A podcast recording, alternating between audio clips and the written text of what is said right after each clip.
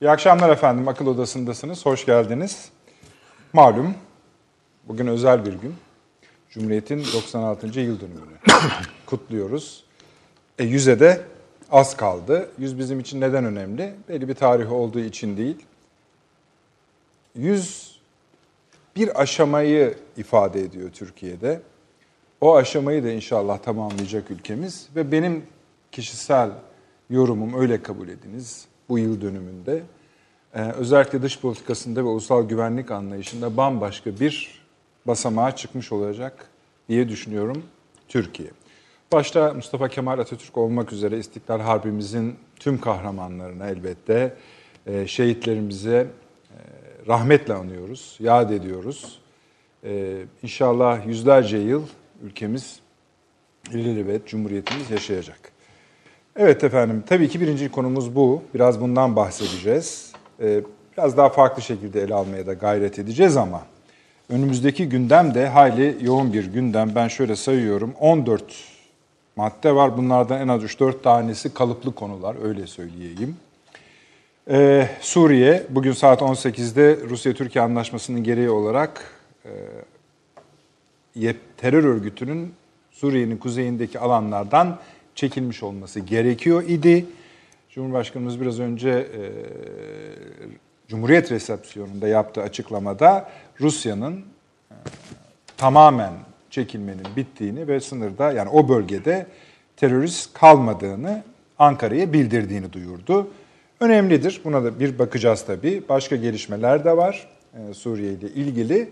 Tabii El Bağdadi'nin öldürülmesi yani DAEŞ liderinin öldürülmesini akıl odasının bakış açısıyla bu akşam biraz ele alacağız ki onun yerine gelmesi muhtemel kişi de bugün öldürüldü. Yani e, Halefi diyelim. O da ortadan kaldırıldı.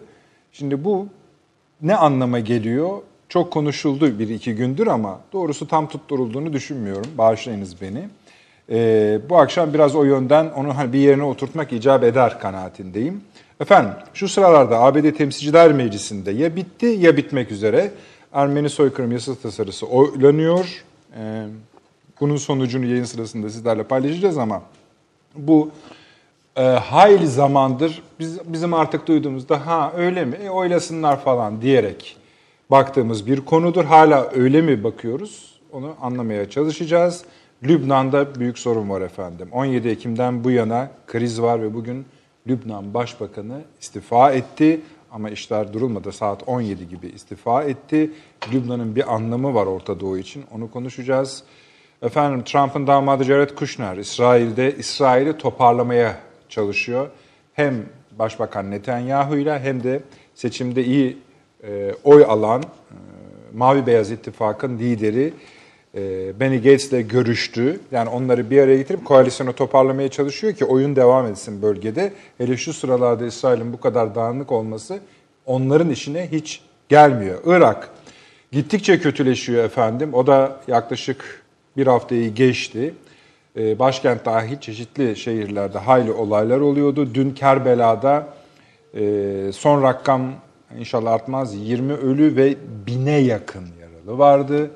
Diğer şehirlerde de ufak tefek olaylar oluyor ama tehlikelidir bu işler. Pakistan, Pakistan'da bugün muhalefet partileri sokağa çıktılar. Sokağa çıkmakla da kalmadılar. Konteynerlarla başkent İslamabad'ın yollarını ve kilitli noktalarını bloke etmeye başladılar. Yani bölge biraz kaynıyor öyle söyleyeceğiz. Cenevre yarın işte Suriye öyküsünün ilerlemiş aşamalarından biri, hep beklenen aşamalarından biri Suriye Anayasa Komisyonu, Komisyonu ilk toplantısını yapacak ama bugün yapılan toplantılar diyebilirim ki onlarcaydı. 15 Batı ülkesi var efendim. Yani asıl oyuncuların dışında. Sonra ABD, Rusya, Türkiye, muhalifler, rejim orada. Her biri biriyle ikili görüşmeler yapıyor. Belki yarınki hani o sembolik bir şey olacak açılış. Ondan daha kıymetli görüşmeler. Efendim Yemen'de e, savunma bakanına füze fırlatıldı. Yine Husiler bu füze işinde iyi gözüküyorlar. Ona bir zamanımız kalırsa. Yunanistan'a muhakkak zaman ayıracağız şu sebepten dolayı efendim. Amerikan Amerika yani Pentagon bir hava muharebe tugayı indirdi oraya. Yani rakamları verelim. 1700 asker, 2000 tekerlekli araç, 80 helikopter ki bunların e, önemli bölümü Apache Black Hawk gibi muharip helikopterler, genel maksat helikopterleri de var. E, Yanında belki PYD'lileri de getirmişlerdir. Orada kullanabilirler. Yani yaparlar, haklısınız. Ee, Riyad'da efendim, e, tabii İspanya'da problem var Katalanlar yüzünden Şili, yani artık hani şey bekleniyor. Yani iktidarın değişmesi bekleniyor. Zamanımız kalır inşallah. Riyad'da ilgi- ilginç bir şey oldu.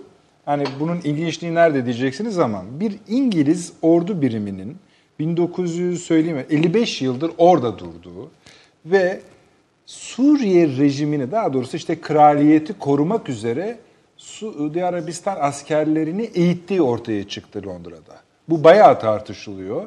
Şimdi birçok kişi diyebilir ki ya Suudi Arabistan'da İngiltere'nin ilgisini bilmeyen var mı bu kadar yıldır? Şimdi evet öyle haklısınız ama bu başka bir mesele. 64'ten beri oradalar. Maaşları Suudi rejimi tarafından ödeniyor ve sadece iç güvenliğe odaklanmış. Yani bu yıkılmasına odaklanmış. Peki, Sayın Avni Özgür burada. Yeni Birlik Gazetesi yazarı. Avni abi hoş geldiniz. Hoş bulduk. Ben sayarken yoruldunuz gibi oldu sanki. Çok iş var yani. Yani dünyanın her tarafında bir kaynak, okurdama var işte. Profesör Doktor Süleyman Seyfi Öğün hocam burada. Hoş geldiniz hocam. Hoş Eksik olmayınız. Doçent Doktor Emekli Tuğgener Fahri Erener, İstinye Üniversitesi öğretim üyesi. Paşam hocam hoş geldiniz. Size de bayağı iş düşecek bu akşam. Ama tabii bir iki kelam edilecek herhalde Cumhuriyet için değil mi efendim? Daha Hani öyle fazlasına da razıyız. Yani tabii keşke e, daha geniş zamanlarımızda münhasıran yani Türkiye'nin Cumhuriyet sürecini, milli mücadele sürecini konuşmaya imkan olsa. Yani ne kadar hangi aşamasını anlatsak e, yetmez Elbette. açıkçası. Ee, o yüzden şöyle söyleyeyim. Yani çocuklarımıza Harbiye'deki askeri müzeyi, Şişli'deki Atatürk Müzesi'ni, İstanbul'da, Ankara'da tabii Anıtkabir'i, Anıtkabir Müzesi'ni ve tabii Çankaya'daki müzeyi bunları gezdirerek anlatmak lazım. Çok şeyi. Milli mücadele çok başka bir şey. Yani tabii ki e, biz Birinci Dünya Savaşı sürecinde e, Osmanlı'nın komutan kademesi e, ister şu hata yaptı, bu doğru yaptı filan diye böyle ta- tasniflere tabi tutmaya çalışalım. Hiç, hepsi bizim tarihimizin adı insanları ve bunlar küçük insanlar değil, hepsi büyük insanlar açıkçası. Ama e, geldiğimiz noktada milli mücadeleye inanan çok var mıydı diye bakıldığında yok idi. Yani o meşhur Sultanahmet mitinginin baş kahramanı değil mi yani?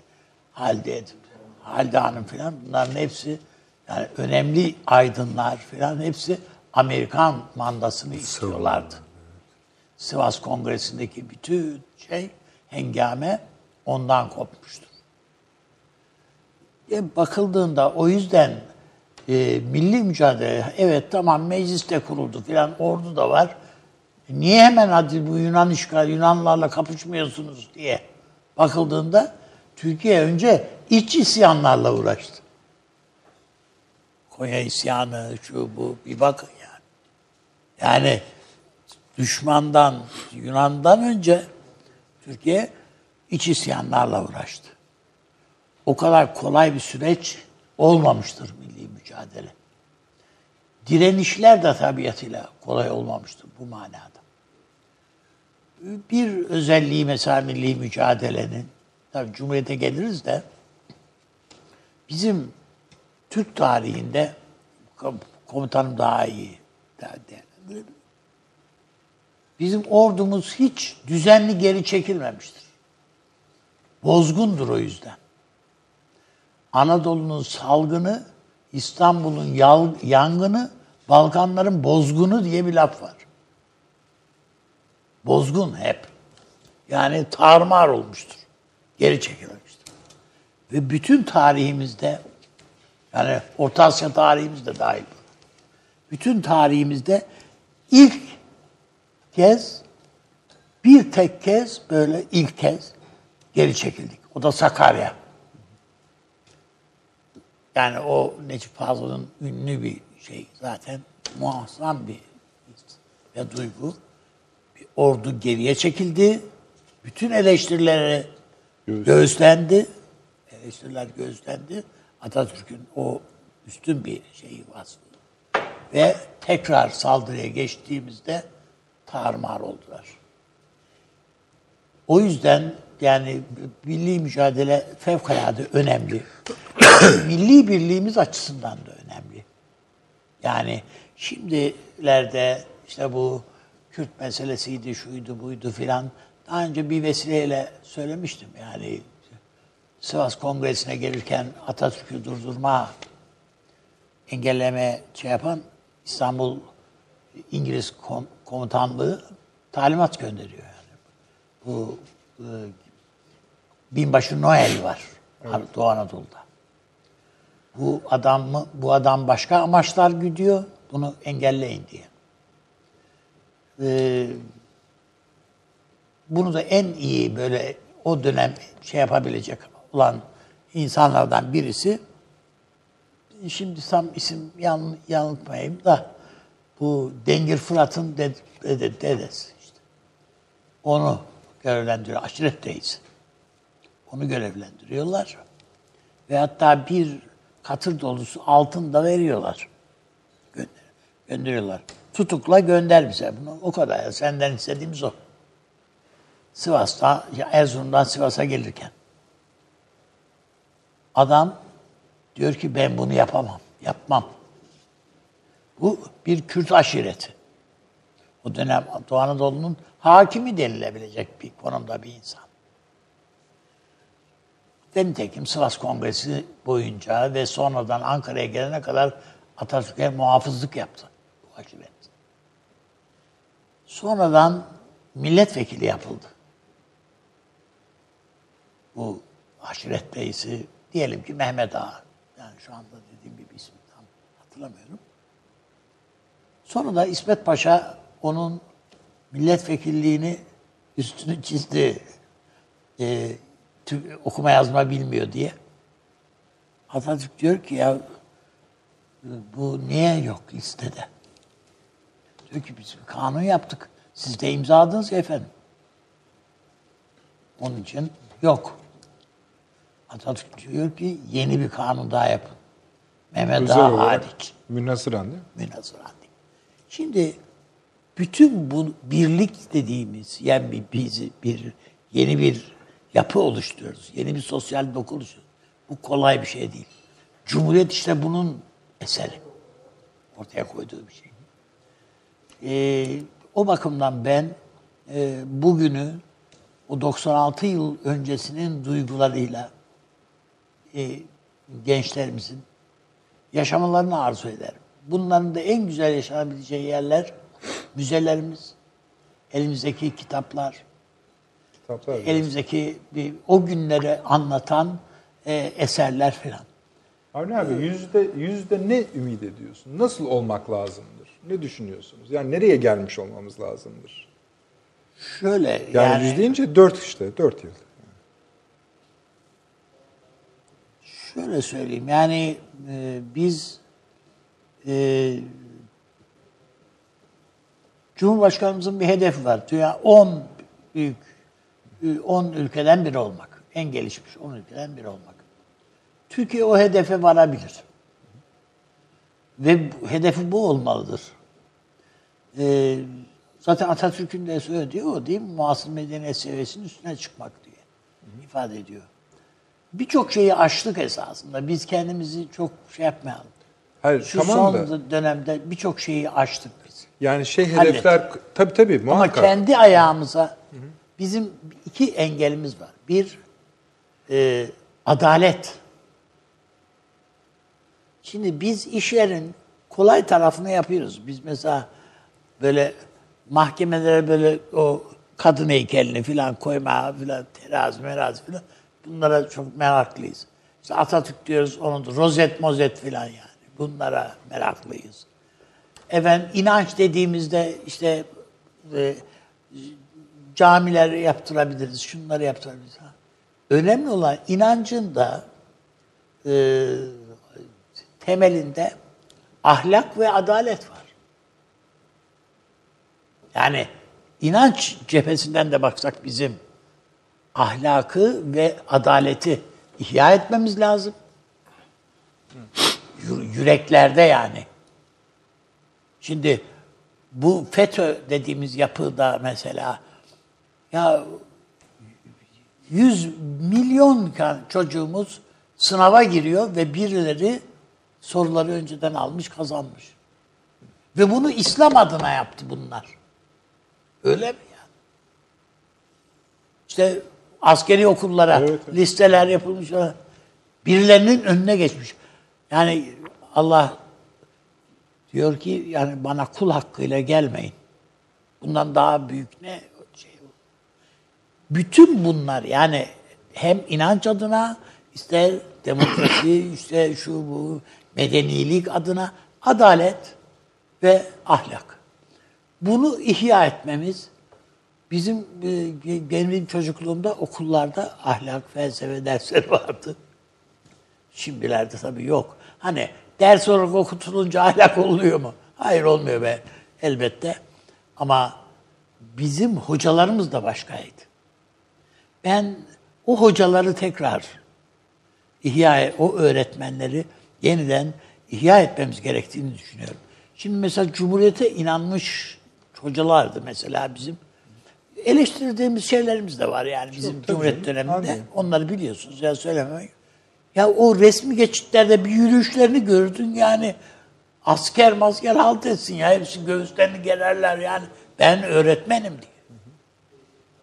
Şimdi öyle değil ki ya yani atanamayan öğretmenler var yok bilmem ne var şu var bu var var. Küçümsemiyorum öğretmenlerimizi. O kızlarımızın filan Anadolu'nun en ücra köylerinde yaptıklarını filan önemse e, küçümsemiyorum asla. Ama bu kadarını öğretmek bunlar yetmiyor bize. Yani fedakarlıklarından da hiç şüphemiz yok. Şehit öğretmenlerimiz şey, var biliyorsun. Ama bizim bakıyorsun dünyada o hani okuduğunu anlama listesi yok efendim matematik sorularını kaç yüzde Kişisel. kaç cevaplandırıyor bilmem ne filan diyorsun. Ya niye bu diyoruz ki hayır bu adaletli değil. Adaletli değil derken ben benim torunun okuduğu okula bakarak söylüyorum. Bütün Türkiye'deki ortalama tablo bu değil. Evet. Onun için söylüyorum. İnşallah ama bunlar bunlar başı aşılacaktır. Yani Elbette. şey değil. Yani bunlar yani mücadelemiz bu müca- Bu mücadele bu ve geldiğimiz nokta Türkiye'nin artık e, bir çemberi kırdı. Kır. Kendine özgüven çemberini e, kırdığı. İşte onun işte için bu, biraz söyledim. Bu bugün geldiğimiz nokta bu Suriye meselesi falan filan. Dan geldiğimiz nokta e, bu Barış Peki. Pınarı e, bunu açık göstergesi. Süleyman Hocam, Paşam aslında biraz şunu da yani konuşalım istedim de o o, çem, yani o pencereden açmak istedim. Arzusundaydım. Devletler, hükümetler, hatta yani bir kuruluş öyküsü olduğu için hükümetler de demeyelim, devletler diyelim. Hani daha şey, bütün herkes için bir takım hedefler koyabilirler. Bu hedeflerde başarılı olabilirler. Bu, bu zaten o ülkenin milleti tarafından alkışlanır, ödüllendirilir. Yalnız bizim durumumuz biraz daha herkesten daha farklı. Şunun için söylüyorum. Mesela bu konuşmayı benim aklıma getiren bugün küçük bir gazete kupuruydu. Şöyle başlığı da şuydu, içinde hiç okumayacağım. Türk diplomasisi dünya çapında bir marka. Şimdi biz yıllardır diyebiliriz. Yani yüzlerce program yaptık izleyicilerimizde. Ben hiç Türk diplomasisinin bir marka olarak görülebileceğini düşünmemiştim. Her şeyini konuştuk. Yani bu esas olarak bu programın konusu da zaten ulusal güvenliktir, dış politikadır. Biraz açıları farklı bir yerden ele almaktır. Bir marka. Bir marka. Şimdi bunun ne anlama geldiği üzerine de konuşabiliriz ve işte onu kastettiğim bu. Cumhuriyet e, bir diplomasi geleneği ve ekibini, bunların birikimini bize devretti.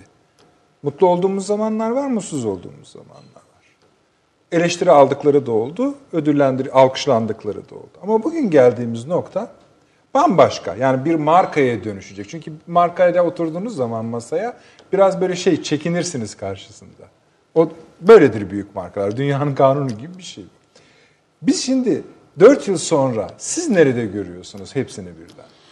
Valla ilk önce bu habere ben herhalde farklı bir okumadım da sizden Ha duyuyorum. orada hani meraklı soru. Dışişleri Bakan Yardımcısı Yavuz Selim Kıran, Türkiye'nin dünya çapında en önemli markalarından birinin Türk diplomasisi olduğunu söyledi. Bu iyi bir iyi bir tahlil değil. Değil. Onu Peki, söyleyeyim. neden başka Yani açıdan Bir kere marka ticari bir kavramdır. Ve marka biraz da morfolojik bir şeydir. Yani bir eşyanın markası her zaman o eşyanın garantisi falan değildir. Çok büyük markaların içinde çok böyle affedilmez defolar, çürüklükler falan çıkar. Ben biraz daha bu konuda doğrusu özcü bakan bir e, yaklaşıma sahibim. Yani muradı bu değildir muhtemelen o sayın yetkilinin ama iyi bir ifade değil bu. Yani dışişleri marka falan olmaz. Yani şöyle bir laf mesela çok başarılı bulduğumuz Rus diplomasisi için veya İran diplomasisi için söylenmez. Ağırlığını hissettirir o zaten. Yani bunun böyle marka gibi reklamasyon kokan bir şeyle falan alakası yok. Ben öteden beri bu marka lafına çok alerjik tepkiler gösteririm. yani böyle bir şeyin markasını oluşturalım. İşte bilmem ne de marka olalım falan. Ya bilmem ne de ne olacaksan onu adam gibi ol. Yani olunur. ha bunu yani markayla falan izahı bence hoş bir şey değil. Biraz da içerik meselesini sorumluluk dışına atmanın fonksiyonu gibi geliyor bana yani. Çünkü yani bir şeyin ağırlığı varsa zaten markaya ihtiyacı yoktur. Yani o hissettirir ve kendini kabul ettirir. Hayır şu kasıt olabilir mi acaba? Hani ben şimdi baktım metne tabii ki yani son dönemlerde Yani iyi bir ifade değil bu. Tabii ha, anladım Yani onu ben Ama şu yani kasıt şu da olabilir. Mesela ne diyelim İran diplomasisinden bahsederken eleştirmemize rağmen bizde ilişkisinden dolayı her zaman şunu not düşmüşüz. Derken çıkmışızdır yani. Deriz ki e, onların oturmuş bir dış politika anlayışı vardır. Ciddi şeyler yetiştirirler. Bunu söylediğiniz andan itibaren bir markadan da bahsediyor İşte olmaz değil, mısınız? hiç gerek yok Peki. buna. Ha, Yani- Niye zorluyoruz diyorsun? Şimdi burada tabii markaları konuşmuyoruz Elbette. ama mesela belli arabalar var A segment değil mi? Hiç reklam yapmaya da ihtiyaçları yok.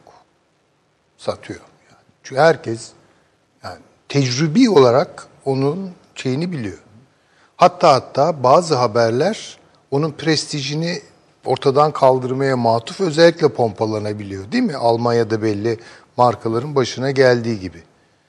Ama belli markalar daha düşük segmentlerde reklam yarışına ve marka sunma yarışına giriyorlar. Onun için hani ben bunu biraz fazla Peki.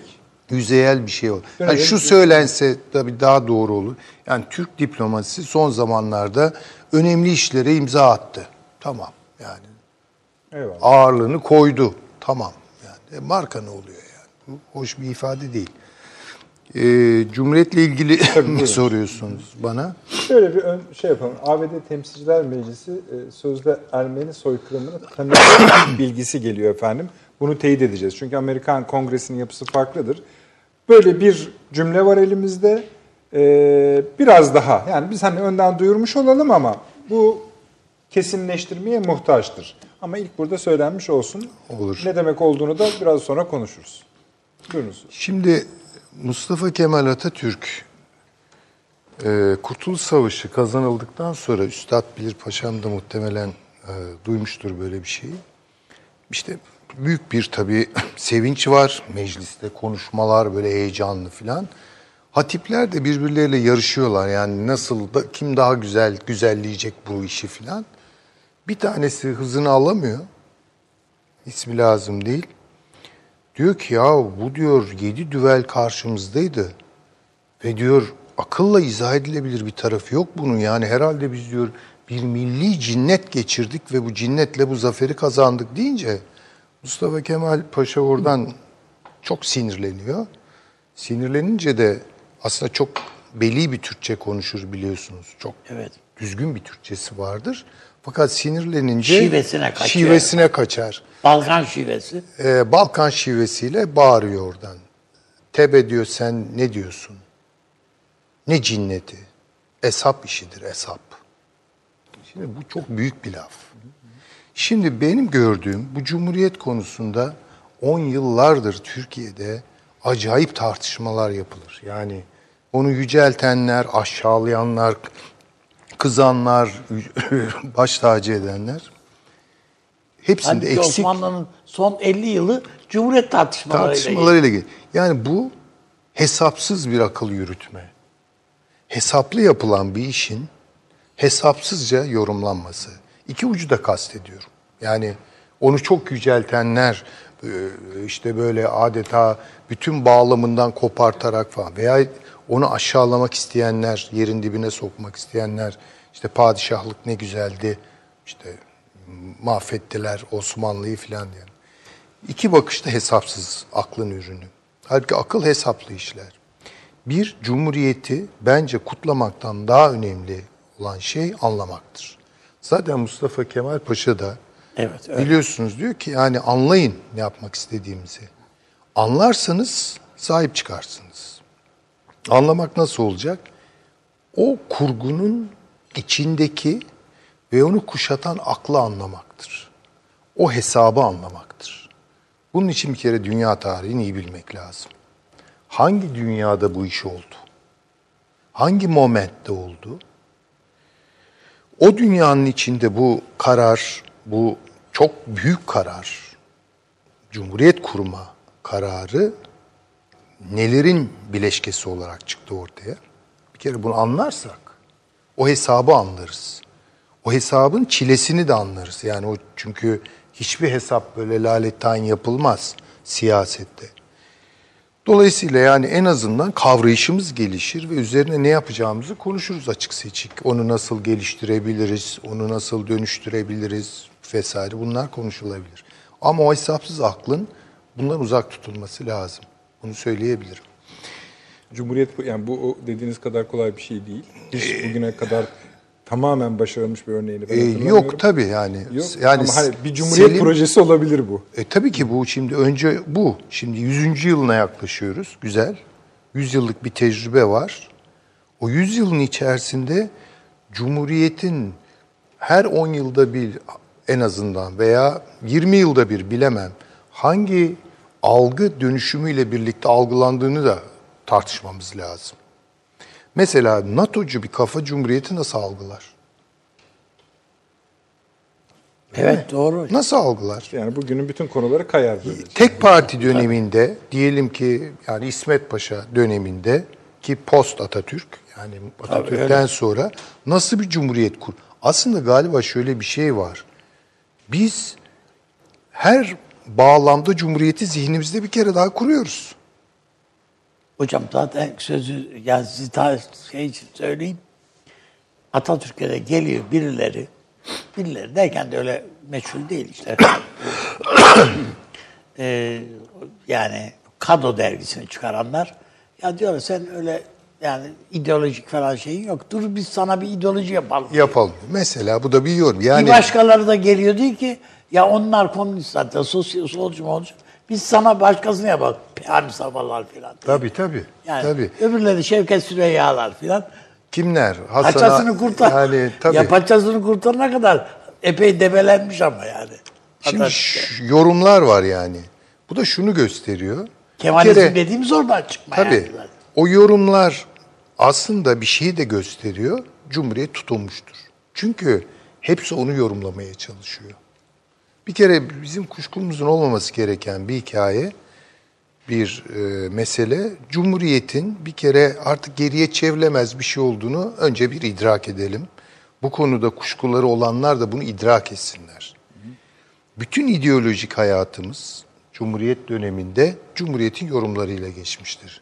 Sosyalist Cumhuriyet, İslami Cumhuriyet, Muhafazakar Cumhuriyet, Sosyal Demokrat Cumhuriyet bunların hepsi biraz Cumhuriyet tanımıdır. Ama bütün bu yorumların isabetli olması için Cumhuriyeti var eden e, o kritik karar anını kuşatan ve donatan iç ve dış dinamikleri birlikte önce doğru görmemiz lazım. Doğru görürsek onun üzerine bu yorumlar tartışılabilir ve verimli hale getirilebilir. Çünkü bunlar verimsiz yorumlardır birçoğu. Yani sadece şer, yani yorumluyor, geçiyor, gidiyor.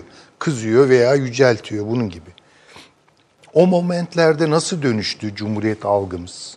Yani mesela NATO şemsiyesinin altına girmiş bir Türkiye'de Cumhuriyet algısı genellikle Cumhuriyet'in içerini boşaltmakla geçmiştir. Ne konmuştur bunun yerine? Bir dönem ifade çok bilinirdi. Gardrop cumhuriyetçiliği, gardrop Kemalizmi. Bakınız üretim dünyasından çıktık, tüketim dünyasına geçtik.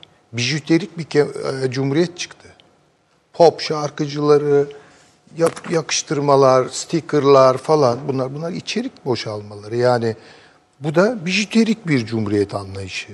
Üretken bir cumhuriyet şeyinden çıktık. Tüketim dünyasında tüketim cumhuriyetini e, inşa ettik vesaire.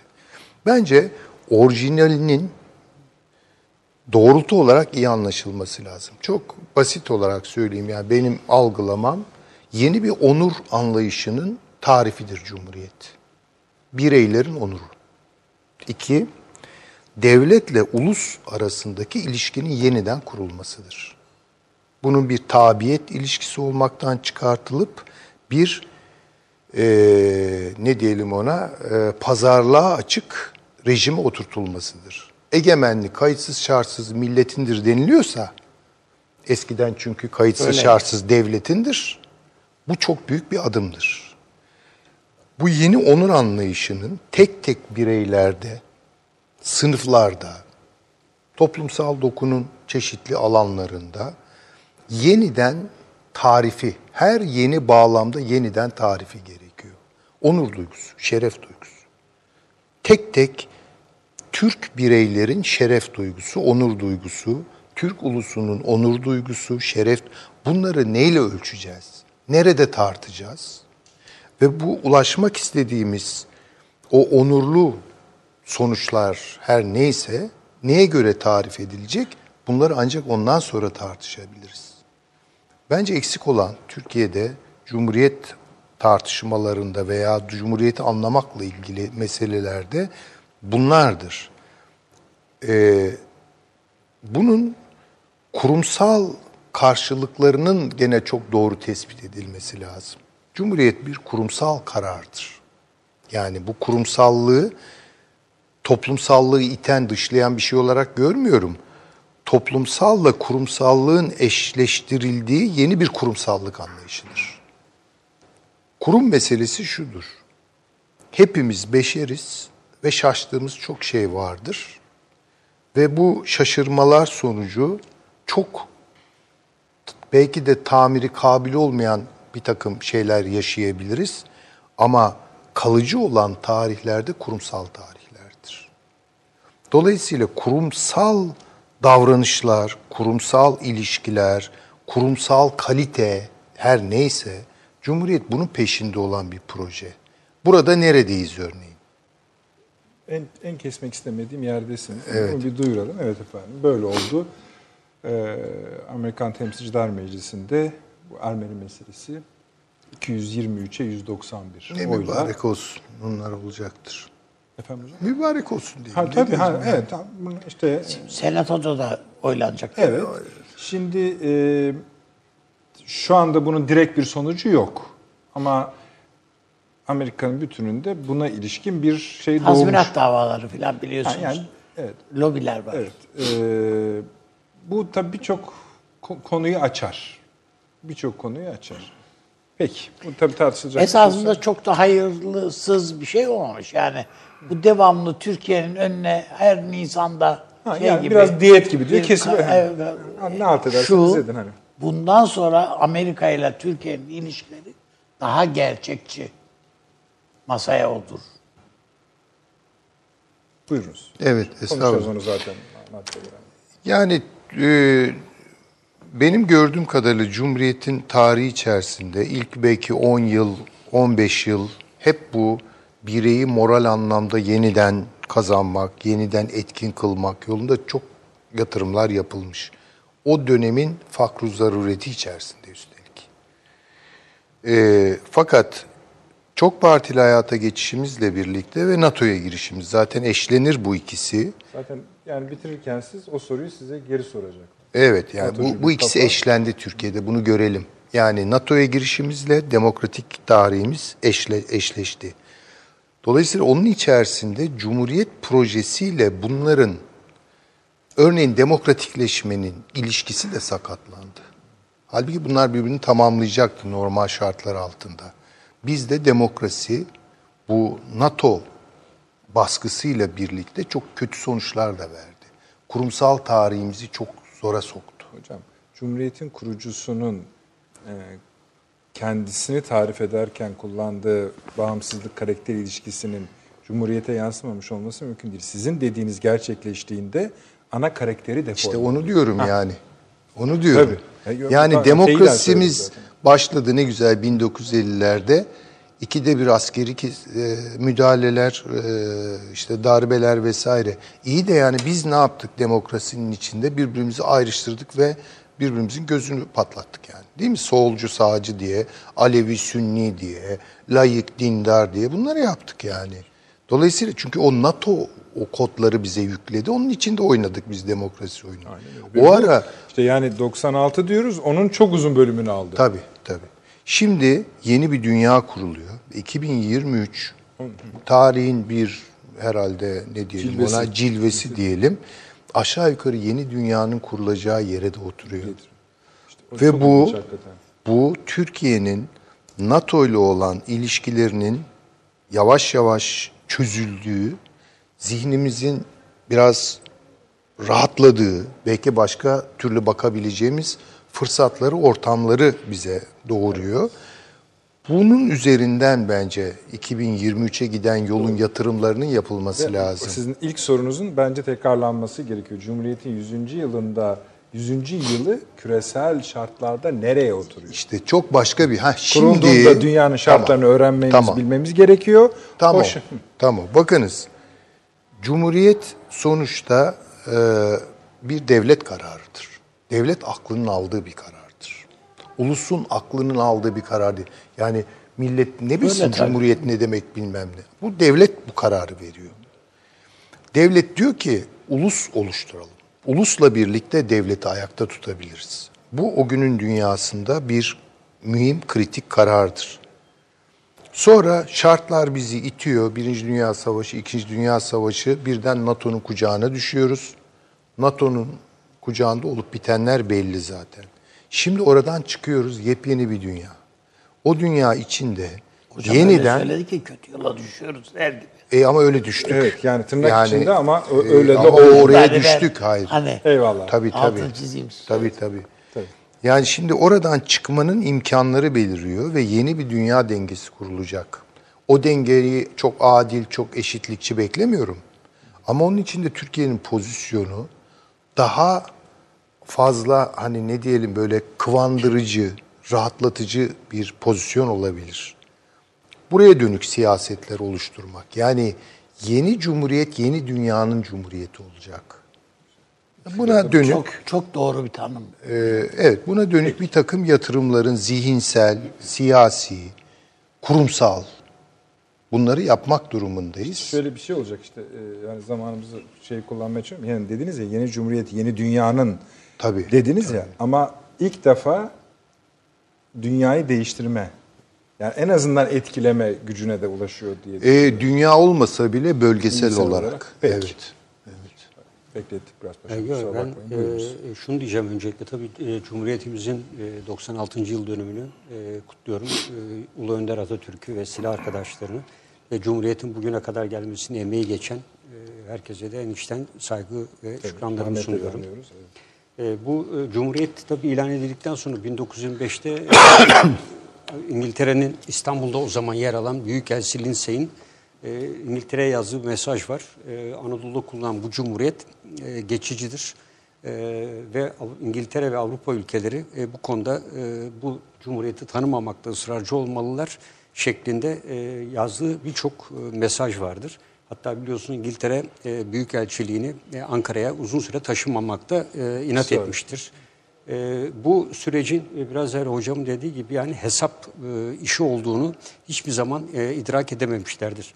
Ben e, Sivas'ta iki yıl görev yapmam e, bana şunu sağladı. E, özellikle e, Sivas Kongresi'ni, e, Erzurum Kongresi'ni e, bütün oradaki e, yaşayan insanlardan, konuda çalışma yapan insanlardan çok daha yakından tanıma ve üstelik kaldığım konut da e, Sivas Kongresi'nin yapıldığı lisenin hemen e, yakınındaydı. E, onun e, tabii e, ruh halini yaşamaya çalıştım yapıldığı şartlarla birlikte. Bunun için Sivas'ta e, kendisini şükranla anacağım Ahmet Necip Günaydın var. Milli Mücadele'de 150 gün diye e, Sivas'ın bu bilinmeyen Sivas Kongresi'nde Atatürk'ün ve Sivas Kongresi'nde yapılanların e, belki Türkiye'de hiç bilinmeyen bir yönünü anlatır. E, bu milli mücadeledeki 150 günde Atatürk Sivas'a geldiğinde askerlikten istifa etmiştir ve üzerine giyecek elbisesi yoktur. Atatürk'ü o tarihte Sivas'ta bir terzi ararlar ve e, bir terziden üstelik Ermeni bir ustadır. Ve ilk elbisesini, sivil elbisesini orada diktirirler. Çünkü her biri değişik yerlerde kalmıştır. Ve o kongrenin e, başladığı yerlerde o evlerden getirilen tabaklar, kimlerin getirdiği, nasıl getirildiğini bu Ahmet e, Necip Günaydın hocamızın e, Cumhuriyet Üniversitesi'nin öğretim üyesidir. Türk Ocağı'nın da başkanlığını yürütmektedir. E, çok kıymetli bir eseriyle e, anlamlandırmak gerekir. Ve e, bunun e, herkes tarafından da ben okunmasını istiyorum. bir Çünkü e, evet Milli Mücadele'nin e, 150 günü diye. Sadece Sivas bölümünü mü Sivas anlatıyor? bölümünü anlatıyor. Hı, tamam. Sivas'taki 150 günde neler yaşandığını anlatıyor. Yani e, bu konuda birçok çalışmaları da var kendisinin. E, bunun dışında tabii e, bizim o günlere gelen e, hocaların kısmen bahsettiler ama üç önemli kitap var. E, e, yine hocam söyledi anlamak. Anlamak ama açıklamayı yapamıyoruz. Anlamak ve açıklamak. Bizim yeni nesilden beklediğimiz iki şey var.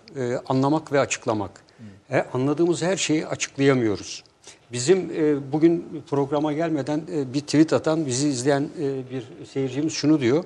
E, gençlerimiz diyor, e, Türkiye'nin etrafında dönen olayları, gelişmeleri idrak edemiyorlar. Keşke diyor bu programı zorunlu bir ders olarak izletsek diye evet, öyle bir mail, şey var, e, evet. atmışlar. Şimdi e, temel neden e, anlama seviyesini öteye geçiremiyoruz. Açıklama konusunu. E, doğrudan doğruya bir tarihi obje içerisinde bir e, kronolojik sıraya göre her şeyi anlatmaya çalışıyoruz. Bir ara bunu ezberleme yoluyla yaptırmaya çalıştılar. Yine anlaşılamadı. Yani bu Bloom'un taksonomisinde temel e, esaslar vardır. Bilgi ve kavrama. Üstü analize çıkarsınız. İşte analize çıktığınız andan itibaren anlama ve onları birleştirerek açıklamaya yani senteze gelirsiniz. E, eğitim sistemimiz bundan sonra bence yoğun bir şekilde bu cumhuriyeti anlama, e, ifade ettikleri gibi hocalarım bunu açıklayabilme, açıklamak tamamen içe sindirme e, ve e, NATO'cu veya işte e, aşırı sağ, aşırı sol veya e, İslami cumhuriyet vesaire bu kavramların dışında cumhuriyetin temel değerleri ki bu değerler esasında evrensel değerlerdir. Bu değerleri gerçekten her yönüyle e, benimsemek gerekiyor. Geçmişle ilgili de yine e, bizim çok sık okuduğum benim tek tek Hafız Hakkı Paşa'nın Bozgun diye bir kitabı vardır. Yani biz Cumhuriyet mi dönemine evet şimdi öyle deyince? Evet. Bozgun. Ee, başımıza gelenler Mehmet Arif Bey'in yazdığı e, kitaptır. Arkasından tekrar başımıza gelenler Tekrar vardır. başımıza. Edirne'de e, Cemal Bey'in e, yazdığı bir kitaptır. Bu üç kitap e, Osmanlı İmparatorluğu'nun son döneminde silahlı kuvvetlerin içine siyaset veya benzeri şeyler tabii üst kademeden yönetimden başlayarak hangi sürece gelindiğini en güzel örnekleridir. Bunlar e, Cumhuriyeti kuran başta e, Atatürk olmak üzere o dönemde e, okunmuş, raporlar halinde okunmuş ve bunlardan çok ciddi dersler çıkarılmıştır. Ve bunlar günümüze e, mutlaka aktarılmıştır. Kurtuluş Savaşı sırasında da burada alınan derslerden e, çok e, önemli e, nitelikler ve uygulamalar görüyoruz. Yine Çanakkale Savaşı'nda e, veya Kurtuluş Savaşı'nda geçen mücadele 70'lik bir subayın hatıraları e, soyadı apak olan emekli bir albayımızın yazdığı müthiş bir kitaptır. Yine Sakarya Meydan Muharebesi'nde bir yedek subayın anıları Adana'nın bir köyünden yola çıkarak gelip Sakarya Meydan Muharebesi'nde gün gün tuttuğu anılarla o çatışmalar e, e, harekat sırasında neler yaşadığını e, gerek askerlerle olan iletişimlerini, e, gerekse o soğuk havada e, sobasız o şartlarda vatanı korumak için nasıl mücadele ettiklerini ve Sakarya'ya doğru çekilişlerini anlatan e, çok önemli. Bu e, ailesi en sonunda kitap haline getirmiştir. E, bunları bir şekilde bizim e, gerçekten e, senaryo haline getirip e, anlatmamız lazım. Yani başımıza gelenler, tekrar başımıza gelenler bunlar e, çok Hocam önemli. bir laf var zaten. Başımıza Aziz Nesin'in lafı. Başımıza gelenlerden korkmadığımız için bütün korktuklarımız başımıza, başımıza geliyor. geliyor. Evet. Yani, yani ö- ö- önemli bir şey. Ben e, bunların e, film senaryoları veya değişik alanlarda mutlaka daha iyi kapsamlı ki bunlar e, günümüz Türkçesine de çevrilmiş kitaplardır. E, Bu üç kitapta. Sadeleştirilmiş. E, evet sadeleştirilmiş. Ahmet, Ahmet Necip Günaydın hocamızın kitabı zaten Sivas'ta ve birçok kitapçılarda da bulunan bir kitaptır. Milli mücadelenin bu 150 bilinmeyen 150 günü anlatan. E, bunları okumamıza ama dediğim gibi anlama ve açıklama konusunda hocalara iş düşüyor. Son olarak marka konusuna ben de marka olmadığına katılıyorum. Marka e, rakiplerden bizi ayıran bir takım özelliktir. Sürdürülebilir olması lazım. Yani Ondan sonra gibi. o kadar şey E, yapmıyor. evet yani. Yani orada e, marka kasıt o değil ama, belli ki e, yani Türkiye değişik enstrümanlar kullanarak diplomaside e, farklı bir kendine kanal açmayı başardığını söyleyebiliriz. Hocam şey gibi yani milli mücadele devam ederken bir tarafından da iç siyaset oyunları da devam ediyor. Yani bir taraftan mücadele devam ediyor. Yani nasıl bugün bir takım ayak oyunlarını iç siyasette ulan aşarak bir şeyleri yapmak ihtiyacındaysan orada da milli mücadele yani varlık yokluk savaşını verirken o ayak oyunları devam ediyor. Şimdi dış politika gündemimize geçeceğiz ama sanırım bir reklama gidip öyle geçelim. Daha iyi olur. Bölünmesin arkadaşlar. Efendim kısadır. Ee, listemiz uzundur. Bekliyoruz. 30 saniye reklam arası. Birinci sınıf bir kültürün, birinci sınıf bir düşüncenin, birinci sınıf bir duyarlılığın dergisi Cins, hem edebiyat dünyamızın önde gelen isimlerini hem de yeni kalemleri ağırlıyor. Her ay bayilerden ulaşabileceğiniz Cins dergi, dijital dünyaya da yeni bir kapı aralıyor. Sayfalara sığdıramadığımız kıymetli yazılar, merak ettiğiniz yazarlarla cins sohbetler, dergiden ekrana yansıyacak röportajlar ve tabii podcast. Şimdi sizleri Cins'i tüm sosyal medya mecralarından ve gezete.com adresi üzerinden takip etmeye davet ediyoruz. Reklam arası sona erdi.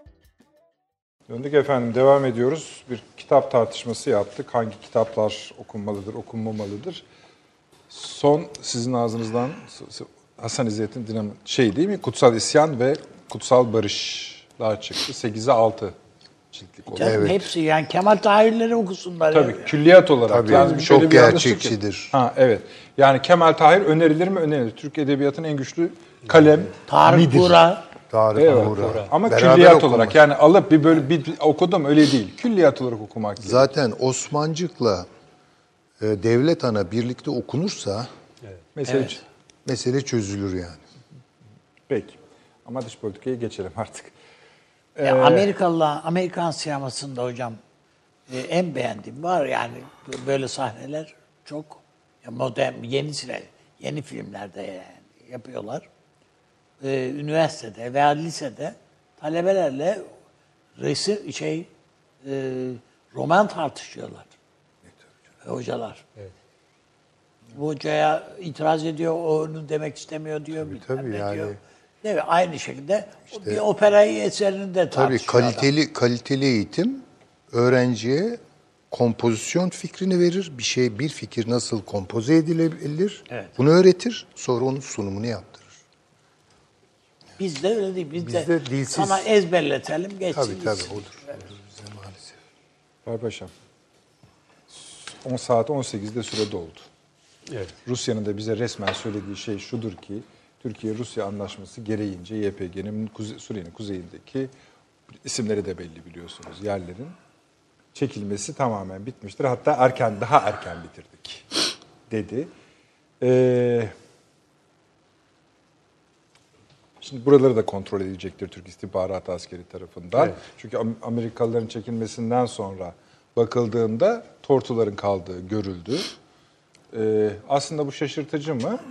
Değil. Değil. Bakalım ee, Ruslar bu işine kadar başarmış olacaklar. Bize şunu söylüyoruz. Ee, şimdi ne olacak bundan sonra?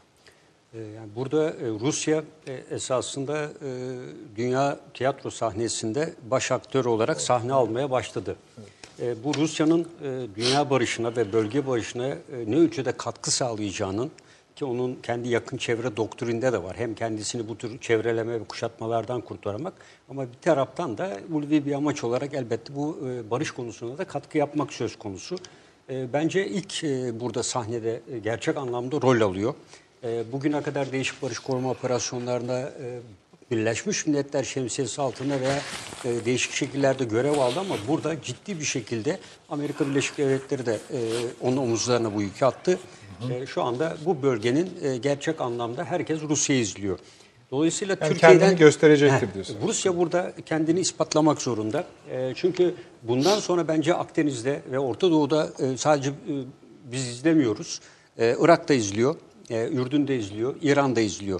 Yani herkes e, Rusya izliyor. Rusya'nın burada barışı koruma ve güvenli bölgeni gerçekçi bir şekilde tesis konusunda göstereceği çaba ve bu konuda Türkiye'ye sağlayacağı güvenlilik, e, bundan sonra açıklık ve en önemlisi faaliyetlerin yürütülmesinde ciddi anlamda sağlanacak koordinasyon bundan sonra Türk-Rus ilişkilerinin ve Rusya'nın bu bölgede kalıcılığının da resmini ortaya çıkaracaktır diye düşünüyorum. E, dolayısıyla Türkiye burada elbette 150 saat dolmuştur. 150 saat simgesel bir önem taşımaktadır. Ancak Rusya'nın e, ben bu 150 ka- saat konusunda Amerika'ya nazaran e, daha e, kalıcı e, işbirliğine gideceğini ve bu süreci e, sonuçta e, Rusya'nın e, daha güvenilir e, evet yani Putin elbette kendi ülkesini düşünecektir ama e, iki lideri karşılaştığımızda ve iki e, diplomasi açıdan iki ülkeye baktığımızda e, Rusya'nın e, karar alma mekanizmalarının daha ciddi e, en azından e, uygulamaya Şöyle daha çabuk dönüşülebilir. biliyorsunuz. Bu son saatlere yaklaşırken Rus heyeti de buradaydı, askeri Buradaydı, heyeti. Evet. Yani bunun konuştukları Tabii, çok belli. Savunma Bakanı da Ermenistan'daydı. Tabii. Yani zaten yani e, bir gün iki gün evvel de tabii şeyle bu e, meşhur adamla e, telefonla uza, e, Skype üzerinden de görüşüyor ama e, sonuçta bunlar tabii e, ayrı tartışılacak konular. Ben bu Türkiye ile giriştiği bu taahhüt yeni bir şey değil. Yani Astana süreçleri var, Soçi var. Bugün bile Cenevre'de üç Dışişleri Bakanı Birleşmiş Milletler'in Suriye temsilcisiyle birlikte görüşüyorlar. Yani bu da bakın bu arada Amerika yok ve diğerleri yok. Yani Rusya, Türkiye ve İran Dışişleri Bakanları görüşüyor. Bu da bölgede sağlanan e, kalıcı e, barış tesis edilecekçe bu üç ülkenin mutlaka e, el birliğiyle olacaktır. Bence bu süreçte e, Rusya'nın yüklendiği bu e, görev, e, bu misyon bu sürecin Anayasa Komitesi çalışmalarının sürekliliği açısından da son derece önem taşıyacaktır. Ve sadece Suriye'nin bütünlüğü için değil, Amerika Birleşik Devletleri de esasında Rusya'nın başarısız olmasını arzu ettiğine yürekten inanıyorum. Ben sahaya bunları bıraktım diye. Bu yandan da Amerika Birleşik Devletleri'ne karşı da Rusya sadece savaşan bir bölgeye güç getiren kuvvet değil, bir bölgede e, istikrarı sağlayan, bekayı sağlayan bir unsur olarak da yer alabileceğini de ispatlayacağını düşünüyorum. E, bu yüzden Türkiye sadece gerekli yerlerde uyaracaktır. E, bu da çünkü bir zaman isteyecek bir şeydir. 440 kilometreden söz ediyoruz ve bunun sadece 120 kilometresi Türkiye'nin kontrolü altında net olan. Diğerleri elbette Türkiye sınır kontrolleri bizde. Rusya ile bir işbirliği var. Bu İdlib'den de gelen bir işbirliği var. E, her ne kadar her iki ülke birbirleriyle ortak e, askeri faaliyetlerde çok sıkı Amerika gibi işbirliği içinde olmasalar da e, ama e, eninde sonunda bu işbirliği bir şekilde tesis edilecektir. Ee, ve Rusların da kılık kıyafetlerine ve askeri araçlarına baktığımızda bu işe gerçekten e, ciddiyetle eğildiklerini e, ve e, getirdikleri yeni askeri araçların da gönderdiler evet, Karadeniz'den. Yani bir kere e, biz şuna bakarız. Yani bir ordunun ne kadar ciddi olduğunu askerin duruşu, kılık kıyafet ve malzemelerindeki ciddiyetle e, ortaya koyarız. E, dolayısıyla Rusya gerçekten buraya seçme askerlerini bu konuda eğitim almış ve tamamen e, e, MP denen milli askeri polis görevini yürüten askerlerini getiriyor. E, ve e, bundan sonra tabii sahada e, her şey netleşecektir ama e, Türkiye'nin bir bence bir harekat icrasını Türkiye'ye yönelik bir provokasyon olmadıkça ki bunu da Rusya ile birlikte çözeceğini düşünüyorum ki bunlara yönelik de mutlaka BCD planları geliştirilmiştir bu süreçte. Çünkü bu işbirliğini provoke edecek gruplar çıkacaktır. İntihar saldırıları olabilecektir. E, değişik havanlarla geçen gün olduğu gibi e, bir uzman çavuşumuzun şehit olduğu Evet. saldırı gibi olaylar olabilecektir. De biliyorsunuz E, Amerikan tabii- askeri ateşisi çağrıldı Evet. Savunma Bakanlığı'na. Evet. Şey herhalde gösterdiler bir şey. Tabii. Yani e, bunlar bu bölge içinde olacaktır. E, Türkiye-Rusya ilişkilerini e, kötü bir istikamete götürme açısından koparmak için de Tabii. bu son Yani derece önemli. onu, mesela bu asker Amerika askeri ateşisi çağrıldı. Gösterdikleri şey şöyle bir şey olabilir mi? Bakın hani çekildik diyordunuz. Bu işler buradan kaynak. Tabii. Yani bu işlere onlar neden oluyor. Yani hedef tespit cihazlarıyla her birinin harita üzerinde ve görüntülerle resmini göstermişlerdir ve vermişlerdir. Çekilip dediğiniz bölgeden e, bakın bunlar üstelik havan gibi ağır bir silah ve çok namlu roketler gibi gözle görülebilecek büyüklükteki bir silahı buraya getirip monte ederek e, ateş ediyorlar. E, bu da olayı sizin ne ölçüde ciddiyetle baktığınızı ve bize tamamen temizlendiği gösterdiğinizin belgesidir diyor. Yani Türkiye buna tabii misliye mukabelede bulundu. Yani bu teröristler etkisiz hale getirilmiştir mutlaka ama bu ağır silahların burada olması son derece önemli tabii. Yani piyade tüfeğiyle belki tacizat içinde bulunursunuz. Herhangi bir şey yapar kaçar. Ama koskoca silahlarla burada duruyor. Ee, bu da Amerika'nın e, olaya e, ne ölçüde ciddi baktığını gösteriyor. Ee, ben Rusya ile olan e, bu konudaki aynı e, görevler var çünkü Amerika'da da Rusya'da da Rusya'nın e, daha etkili bir devreye faaliyetinin olacağını düşünüyorum. Yani doğru dürüst yapacağını düşünüyorum. Evet doğru düzgün yapacağını düşünüyorum. Peki. Şöyle iki konu açarak devam etmek istiyorum Süleyman Hocam. Hem sizden hem Avni Bey. Yani ekleyerek üstüne. Bunlardan birincisi şudur. Bu e, Suriye'nin kuzeyine Avrupa ülkeleri biliyorsunuz vaziyet etmek istedi. Türkiye zaten yüz vermedi hiç yani. Nereye geçmiş gitmiş. Fakat NATO lafı da çıktı biliyorsunuz. Bu NATO lafına da pek yüz verilmemekle birlikte şimdi e, Türkiye'nin reaksiyonunun NATO'ya yönelik bir reak Avrupa ülkelerine bir reaksiyon gösterirken şeye göstermedi Türkiye. NATO'ya göstermedi. Hatta e, Sayın Savunma Bakanı'nın bu yönde açıklaması var. Hani bakarız işbirliği nasıl olursa falan filan gibilerinden. Birinci konu budur. İkinci konu bu petrol meselesi. E, Başkan Trump bir petrol meselesi açtı. Dedi ki oraları zaten güvenlik altına aldık. Onu, orayı korumak için askerlerimiz orada duracak. Şimdi ve onun üzerine de bu açıklamadan 24 saat geçmeden Bağdadi ve Halife öldürüldü. Şimdi o petrol kaynakları biliyorsunuz şeyi besliyordu biraz da. DAEŞ'i. Şimdi burada birkaç tane soru ortaya çıkıyor. Bir, e, bu petrol kaynaklarının başka şeyleri beslememesi gerekiyor. Başka şeylerin ne olduğunu Türkiye çok iyi biliyor. Evet. Besliyor. İki, kimin malını kime Evet. şey yapıyorsun? Üç, diyor ki açıkça söylüyor bunu. Bu hakikaten Trump için de bence ileri bir seviye. Bu konuda Exxon'la görüşmemiz lazım diyor. Evet. İsim veriyor. Exxon'un CEO'su da biliyorsunuz Dışişleri Eski Bakanı Rex Tillerson. Ya muhtemelen bunların hepsi burada bir iş yapacaklar. Yine muhtemelen bunları da bu özel ordu koruyacaktır. Bu Blackwater vesaire bilmem ne filan. Yani böyle bir konsorsiyumu iki dakikada kurmak üzereler. Böyle bir hal vardır. Şimdi biraz önce de tahminen Sayın Fahrettin Altun bir tweet atmış. Tam üstüne geldi sorunun. Şöyle diyor. Suriye'nin doğal kaynakları Suriyelilere aittir. Petrol veya diğer tür gelirler, yerel altyapı, sivillere destek, sair mülteciler dahil yeniden yapılanma çabalarında kullanılmalıdır. Şimdi bu soruyla aynı eş zamanlı geldiği için ben biraz oraya da yontuyorum bunu. Öyle gidelim izin verirseniz Evet. Hocam. Şimdi bir kere şunu artık aşağı yukarı öngörebiliyoruz. Ee, kendi sınır bölgemiz itibariyle PKK'nın varlığı önemli ölçüde e, ortadan kaldırıldı. E, Paşamın dediği gibi münferit bir takım olaylar olabilir ama artık bu 30 kilometre derinliğin içinde PKK varlığını pek görmeyeceğiz. Bu PKK'nın yeniden e, şekillendirilmesiyle ilgili başka bir süreci de düşündürüyor bize. Güneye çekiliyor ve petrol bölgeleri ve tarım bölgesi yani hem su potansiyeli tarım e, bölgesi hem de petrol, doğalgazın da olduğu bir bölgeye konuşlandırılıyor.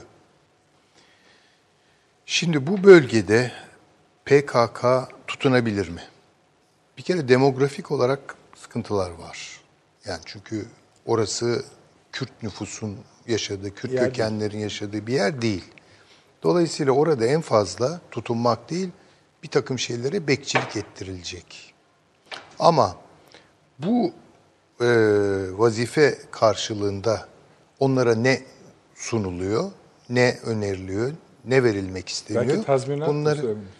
Yani şöyle düşünüyorum ben. Zaman içerisinde yani özellikle bu anayasa meseleleri Suriye'de daha şekillenince, ete bu da kavuşunca göreceğiz. Ee, bunlar bir takım özellikler alacaklar. Yani belli noktalarda alacaklar. Bunu bir kere artık öngörmemiz lazım yani. Kuvvetli bir ihtimal olarak beliriyor bu. Çünkü Lavrov'un net bir açıklaması var. Etnik her türlü unsurun temsili sağlanacaktır. Ne demek temsili sağlanacaktır yani? Bunun yolu siyasal coğrafi dağılım itibariyle belli özelliklere gidiyor. Ama nerede olacaktır bu? Nereye bunları konuşlandıracaklardır onu bilmiyorum. Ama işte Kamışlı, Kobani, Aynel Arap Aynen bölgesi buralarda olacaklardır. Ama tabii bu bir rejim bunlara ne gözle bakacak? Nereye kadar bunlarla işbirliği yapacak? Nereden sonra bunları hasım olarak görecektir? Bu bir problem.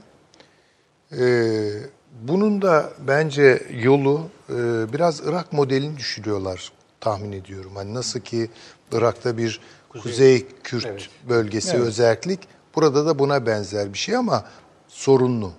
Çünkü bir kere güçlerini aşağıya çekmiş vaziyette. Değil mi? Demokratik yapı- Yerinde Demografik var, yapıda evet. boşluğa düşmüş vaziyette. Ama daha önemli mesele şu. Suriye'nin gerçekten zenginliğini oluşturan bir bölgenin Suriye rejiminin kontrolünün dışında tutulmak istenmesi hangi sorunları doğuracak? Bundan sonra zaten daha çok biz Rakka'yı konuşacağız, Deir Zor'u konuşacağız, o bölgede olup bitenleri konuşacağız. Yani burada Amerika Rusya'ya ne teklif ediyor ve Rusya bu teklifi ne kadar e, mevcut yönetime kabul ettirecek, kabul ettirebilecek, kendisi ne kadar sineye çekecek. Yani biraz bizim top, öyle söyleyeyim, hafif tertip dışımıza düştü. Başka bir arazide yeni bir maç kuruluyor. Oradaki petrol varlığı nasıl, kimin elinde kalacak, kimin kontrolüne geçecek, bu tarımsal alanların kontrolü kimin elinde olacak ve bütün bunları rejim elinden gidiyorken nereye kadar seyredecek? Çünkü benim esas üzerinde durduğum Suriye'nin Birleşmiş Milletler temsilcisi çok açık söyledi bugün veya dündü. Yanılmıyorsam ben bugün okudum. Ee, bu bölgede ulusal egemenliğimizi mutlak manada istiyoruz. Mealinde tam cümle ama ya bu bölgeye odaklanmış vaziyetteler. Çünkü bu bölge Yaşamsal. Çok hayati bir şey. Yani bunun bir ayağı bu taraf yani Rakka bölgesi, bir ayağı Münbiç. Tamam Münbiç kısmen e, rejimin kontrolü altına giriyor ama öteki taraf belirsiz. Bundan sonra bunun tartışması yapılacak. Ve oradaki Kürt varlığı da yani daha doğrusu PKK varlığı da buradaki gerilimin içine düştü şimdi orada. Bu gerilimde nereye konacak bunlar? Yani rejim onları nasıl görecek? Yani çünkü rejim onları neyle suçluyor? Siz Amerika'nın işbirlikçilerisiniz ve e, Suriye'ye ihanet ettiniz. E, ihanet devam ediyor demek ki. Değil mi bu bölgede? Dolayısıyla rejimle de PKK'nın kaynaşmasını engelleyecek olan bir e, tablo sunuyor bu bize. Çok kritik yani. O bölge çok kritik. Bundan sonra zaten orası konuşulacak. Yani Tel Abyad'da ne oluyor veya işte Türk sınırında ne oluyor değil. Öbür taraf konuşulacak. Ve esas çetin pazarlık orada olacak. Trump'ın o lafları etmesi filan boşuna, Boşuna değil. değil. Yani onun Boşuna yüzden- değil tabii, ki. Yani tabii ki. Paşam da haritayı çıkardı. Evet. Evet. Yani o petrol işinden petrol işi değil o. Yani Değil petrol- değil petrol işi- tabii ki. Öyle yani orada başlayan sorun çünkü Irak'ın işlerine kadar gidiyor. Bir de onu görmemiz lazım. Yani o bölgenin güvenliği Irak'ın derinliklerine gidiyor. Yani dolayısıyla mesela şimdi aynı zamanda şunları görüyoruz. Oradaki İran varlığı. Değil mi? Oradan geçecek petrol boru hatlarının geleceği. Yani artık sadece Suriye'yi Suriye olarak konuşmayacağız bundan sonra. Bu bölge üzerinden Suriye ve Irak olarak Tabii konuşmaya mesela başlayacağız. Hani İran varlığı dediniz ya. Bayram Paşam bugün mesela hani şey lafı dolaştı ya. Türk ordusuyla Sur- Suriye. Şam rejimi arasında çatışma, Çatışma. olduğu şeklinde filan. Mesela onlar kim bilmiyoruz. Evet, yani Tabii, üzerindeki tabii, tabii. üniforma Tabii, tabii. Suriye İran, üniforması olur da altından ne çıkar? Korku zaten İranlıların böyle bir şey yapıyor. İran bir de yani İran artık hakikaten son perdeyi mi oynuyor? Yani bunları düşünün. Çünkü Amerika müthiş bir baskı yapıyor. İsrail müthiş. Atın bunları. Yani Rusya da çok gönüllü bu işe yani istemiyor çünkü. Evet. Ee, evet. Evet. Şimdi e, önce Ruslardan memnun musunuz? yani 150 saat olabilecek kastediyorum. olan olmuş. işte. Olmuş. Peki. Yani burada gerçi şimdi tamamını boşaltmamıştır zaten. Yani oradaki yerli e, bu PYD'nin orada devşirdiği adamlar oranın yerli unsurları orada kalmıştır. Aileler de duruyor zaten. Yani Ama kafasını kaldıranı ezeriz demiştir. E, demişlerdir. Bu- O, o korku yeter zaten. Tabii. Yani onun için ama bütün boşaltılmış mıdır? Hayır. Amerikalıların bu tarafta yaptığını Ruslar o, o, Tabii, tabii. e, kı- kıyaslamaz Amerikalılar. Biz gidiyoruz hadi bize eyvallah. Deyip Gelen gelsin gittiler. diye gittiler. Gel, yani bırakın burayı kardeşim. Başınıza ne geleceğinin garantisini veremeyiz diyorlar. Burada Ruslar başınıza ne geleceğini biliyorsunuz diyor. Hatta belki şunu da ihsas ediyorlar. Bakın Yani biz gideriz. sizi Türklerle karşı karşıya bırakırız dedi. Açık. öyle dedi. Bir bu. Amerikalılar Rusların arasında meseleleri halletme de bir radikal farklılık olduğunu söylüyor. Yani üslup farkı var. Hayır yok hayata da geçirirler gibi. Tabii bir tabii şey. tabii. Bürokratik kafaları Bir var. tek şey mesela hocamla aynı düşünmüyor olabilirim. Bu PD işte Kuzey Irak modeli konusunda. Orada olmaz. Olmaz Sebebi tabii, şu. tabii, tabii. Yani Onu söylüyorum. e, hocam da sonunda onu söyledi zaten. Hani düşünüyor olabilirler Amerikalılar. ama öyle olmaz yani. Ama olmaz. Zira Irak'ta Saddam'ı alaşağı ederken Amerika Kürtlerle birlikte yaptı. E, Kürt yani Barzani orada bayağı e, Rol eskort yaptı yani. Çok açık. E, Onu görmemek mümkün değil. Şeyin yerini bile yani Saddam'ın saklandığı yeri bile o, onun sayesinde buldular falan. E, yani bir galibiyet üzerine Kuzey Irak bölgesi kuruldu. E burada yenilgi var. Buradaki PYD'liler yenildiler yani. Bakma bizde de hala burada da sarılar Kürt bölgesi gibi, PKK, PYD bölgesi gibi gözüküyor. Yani Suriye yarın öbür gün e, masaya oturulduğunda şekillenirken e, yenilmiş olan bu PYD'lilere Suriye'nin bütün petrol bölgesi, tarım bölgesi, su kaynakları verilecek. Çöl kısmı Esed'e ya da e, me- idareye bırakın. Böyle bir şey olabilir mi yani? Buna evet derler mi? Mümkün değil. Buna Rusya da evet demez zaten. Türkiye de evet demez. Mümkün değil. Onun için bu sarılar falan şimdilik işte dünya basını bizim basında dahil efendim pratik herhalde yani bu buralar böyle işte PYD'nin falan gibi demek kolaylarına Kolay geliyor. Kolayımıza geliyor herhalde. Falan. Halbuki değil. Buralarda PYD'nin falan neye ne kadar hakim olduğunu kim bilir yani. Şimdiye kadar o petrol şeylerinde yeter kadar kaçakçılık yaptılar. Hepsi birlikte. Yani Şam ne yapsaydı ki? PYD Amerika'nın zor şey dolayısıyla hamiliği dolayısıyla PD ile o petrol e, şeyini paylaşmak durumunda kaldı. Buna mecbur kaldılar. Günde 30 bin varil petrol bu bölgede çıkan 30 bin varil günde ve e, yani bu bunu bunu Şam bırakır mı ya? Türkiye bunun bırakılmasına müsaade eder mi? Rusya bunun bırakılmasına müsaade eder mi yani? Böyle bir şey yani rüya görürler. Yani böyle bir şey olamaz. Peki mesela Asla. Süleyman Hocam hani neden bu hani şimdi biliyorsunuz bunlar bölge böyle. Yani tamam asker de koysan koy, koyacağın asker sayısı belli oraya. İki tane de tepende büyük ülke var Rusya, Türkiye. Yani ne yani muradın ne yani? Kim? Amerika için söylüyorum. Ya muradı şöyle. Ne koparırsam kar. Bir de masada oturmanın Ha, bir 10 bin sebebi olacak pe- canım. Peki. Yani yarın öbür gün PYD'de diyebilir ki kardeşim biz de oraya asker masker koyduk işte siz de Yani bir, bunu bir yere bağlamadan siz de bir halt yemediniz ama.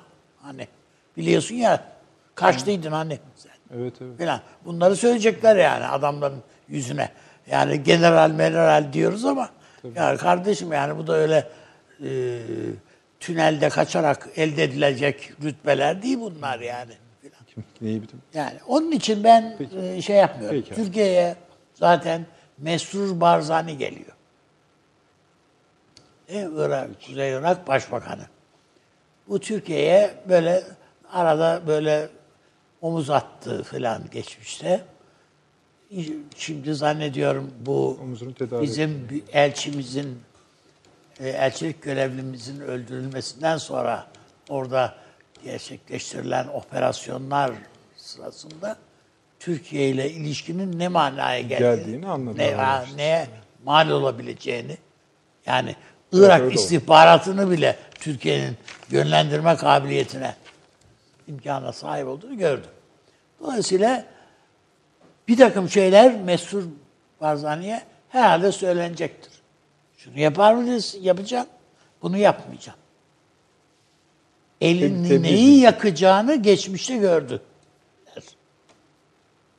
Bu Amerika'nın gazına gelip Bağımsızlık. ba- bir şeyler Tabii, yapmaya tabii. kalktığın vakit başımıza neler gelebileceğini gördük.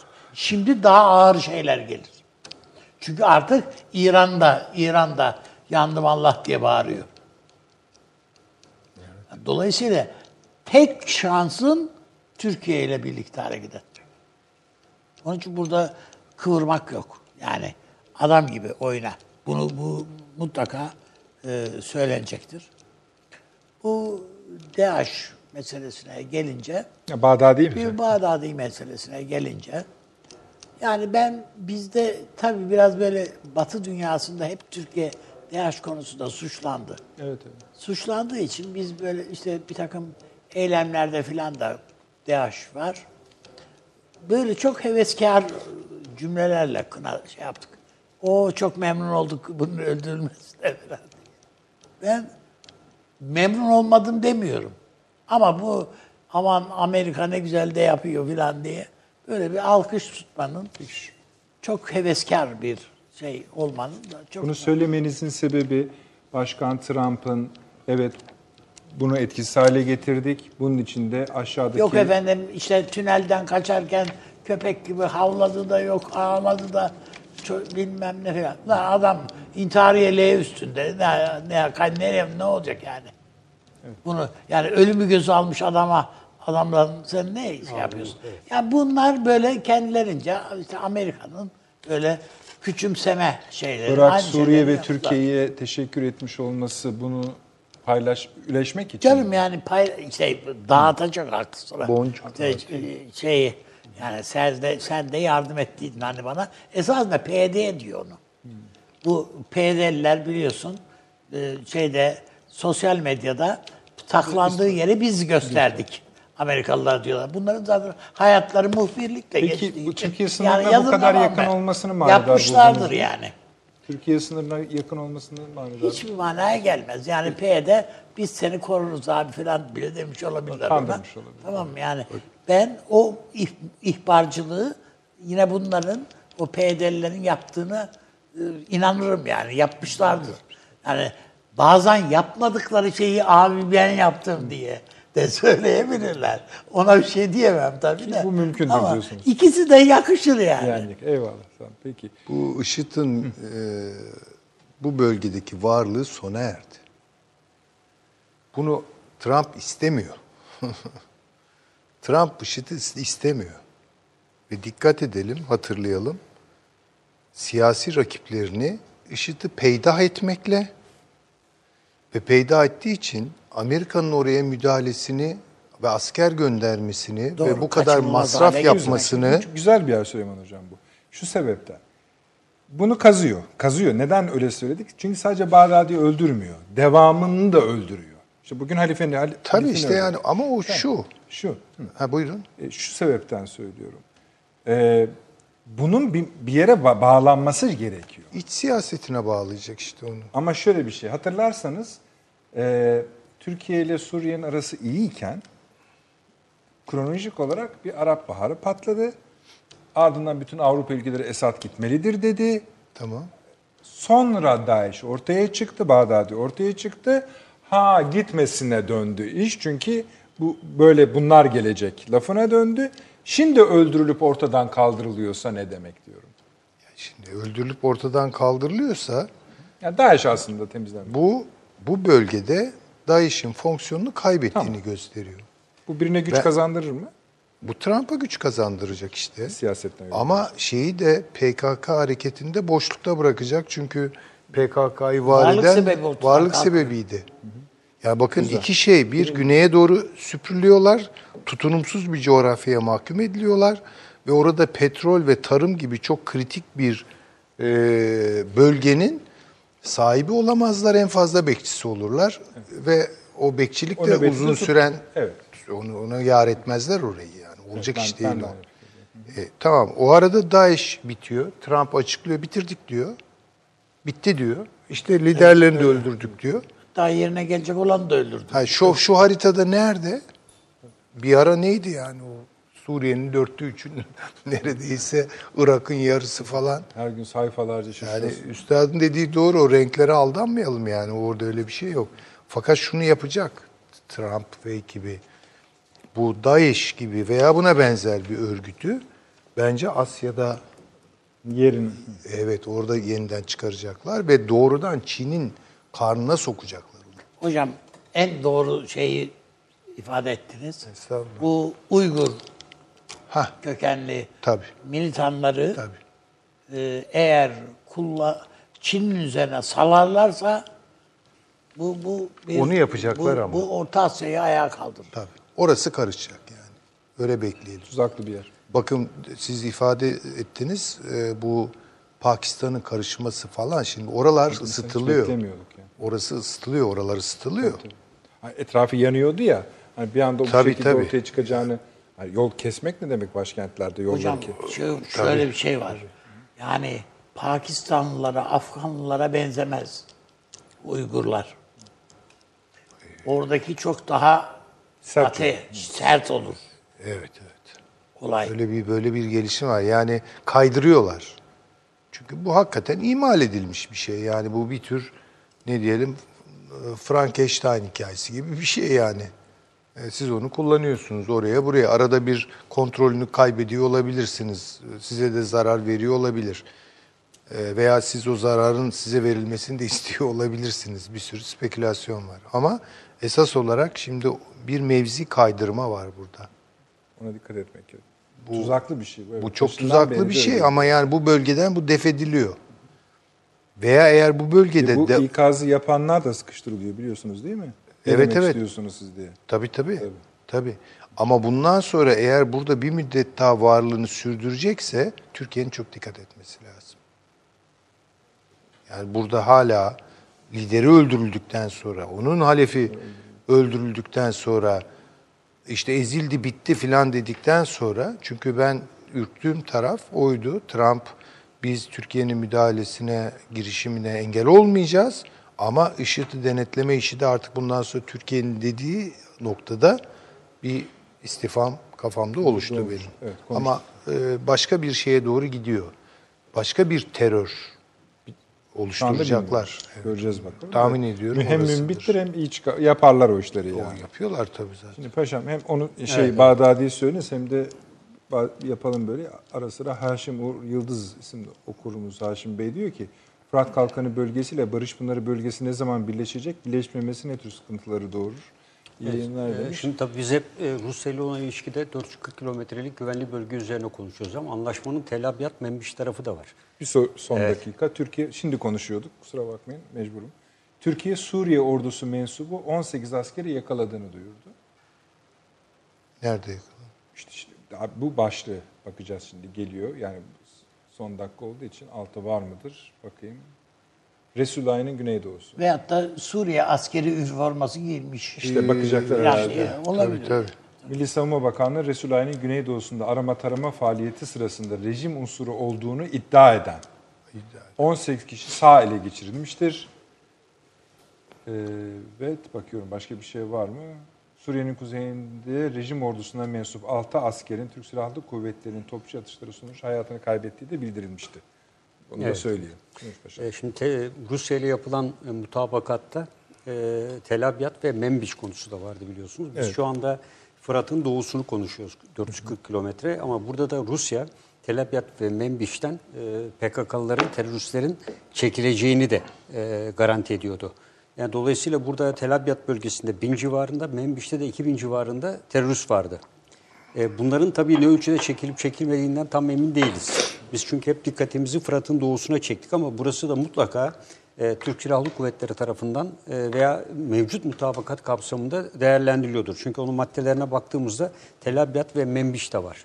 E, Tel Abyad Membiş'ten bu unsurlar çekilip burası Rusya'nın kontrolüne girmesi gerekiyor. Diğer taraftan Membiş'ten Amerikalılar gerçekten çekilip çekilmediği konusunda net bilgimiz yok.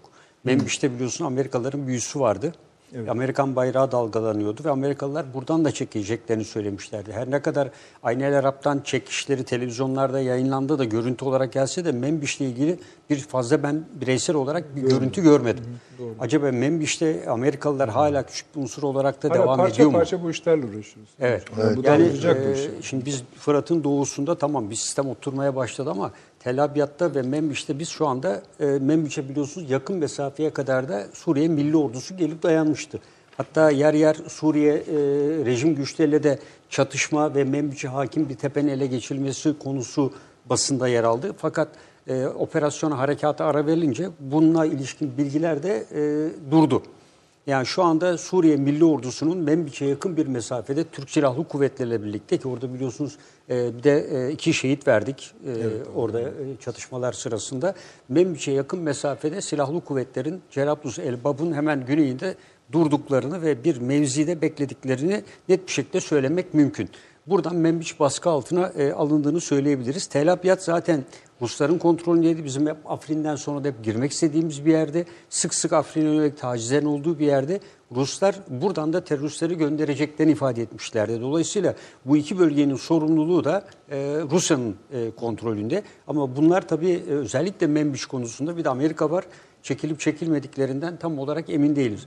Elbette bütün bunlar bittikten sonra aşamalı olarak bu güvenliğin e, 440 kilometrelik 911 kilometrelik sınır boyunca sağlanması gerekir. Yani birleşmelidir diyorsun. Tabii kesinlikle birleşmeden e, her an için e, çünkü Rusya var evet e, anlaşma imzaladığımız bir anlaşmadan ziyade bir mutabakat imzaladığımız bir devlet var ama diğer taraftan da PKK'ya bir büro açan e, buradaki işte sözde general ismi verilen birisiyle telefonla e, görüşmeler yapan e, bir ülkeden e, söz ediyoruz aynı zamanda. Menfaatler ön planda olduğu için her şey yapılabilir. E, buraya e, herhangi bir yerden gelmeleri çok kısa bir zaman ağındır. Yani Tel Abyad'dan gittikleri gibi geri gelirler. Zaten en son açıklama dedi. Bu çekilmeler sadece teröristleri kapsıyor, aileleri kapsamıyor demişlerdi. Aileler burada olduğu sürece bunların burayla da bağlantıları devam edecektir. Bağdadi. Evet, Bağdadi. yani. E, Bağdadi'nin tabii e, etkisiz hale, öldür, etkisiz hale getirildiği yer e, son derece ilginç tabii. Rusya e, hava sahasının kontrolünün olduğu bir e, bölge. E, bence İzin almış Amerikalılar. e, Bağdat tabii El-Kaide'nin kontrolü altında olan e, bir bölgeden söz ediyoruz aynı zamanda. E, ve Bağdadi'nin de El-Kaide'den e, ayrılarak e, oluşturulan bir yapı olduğunu biliyoruz. E, burada e, Bağdadi'nin e, muhtemeldir ki ben e, Doğu Akdeniz üzerinden kaçırılabileceği gibi bir bu kadar bu oraya geldiğine göre e, çünkü çok daha riskli bir bölgeye gelmiş durumda. Yani bu geldiği bölgeden Doğu Akdeniz'e geçiş e, daha çok mümkündür. E, buradan e, yine e, başka bir faaliyet için kullanılabilir. Zaten yerine e, özellikle örgütte Tunusların hakim olduğunu ve muhtemelen Tunus'tan bir kişinin geçeceği konusunda e, bir takım bilgiler var. Çünkü o bölge Süleyman Hocam hani oraya diyelim ki hiç kimseye fark ettirmeden girdiniz. Belki de hani kaçacaktınız. Evet. Ama o bölge o kadar iyi birden çok ülke tarafından Evet. istihbari açıdan izleniyor ki. Çok riskli hani bir şey yani orada böyle bir kişi gidecek. e, Rusya'nın istihbaratı, Türkiye'nin istihbaratı, yerel ajanların istihbarat elemanlarının cirit attığı, yani.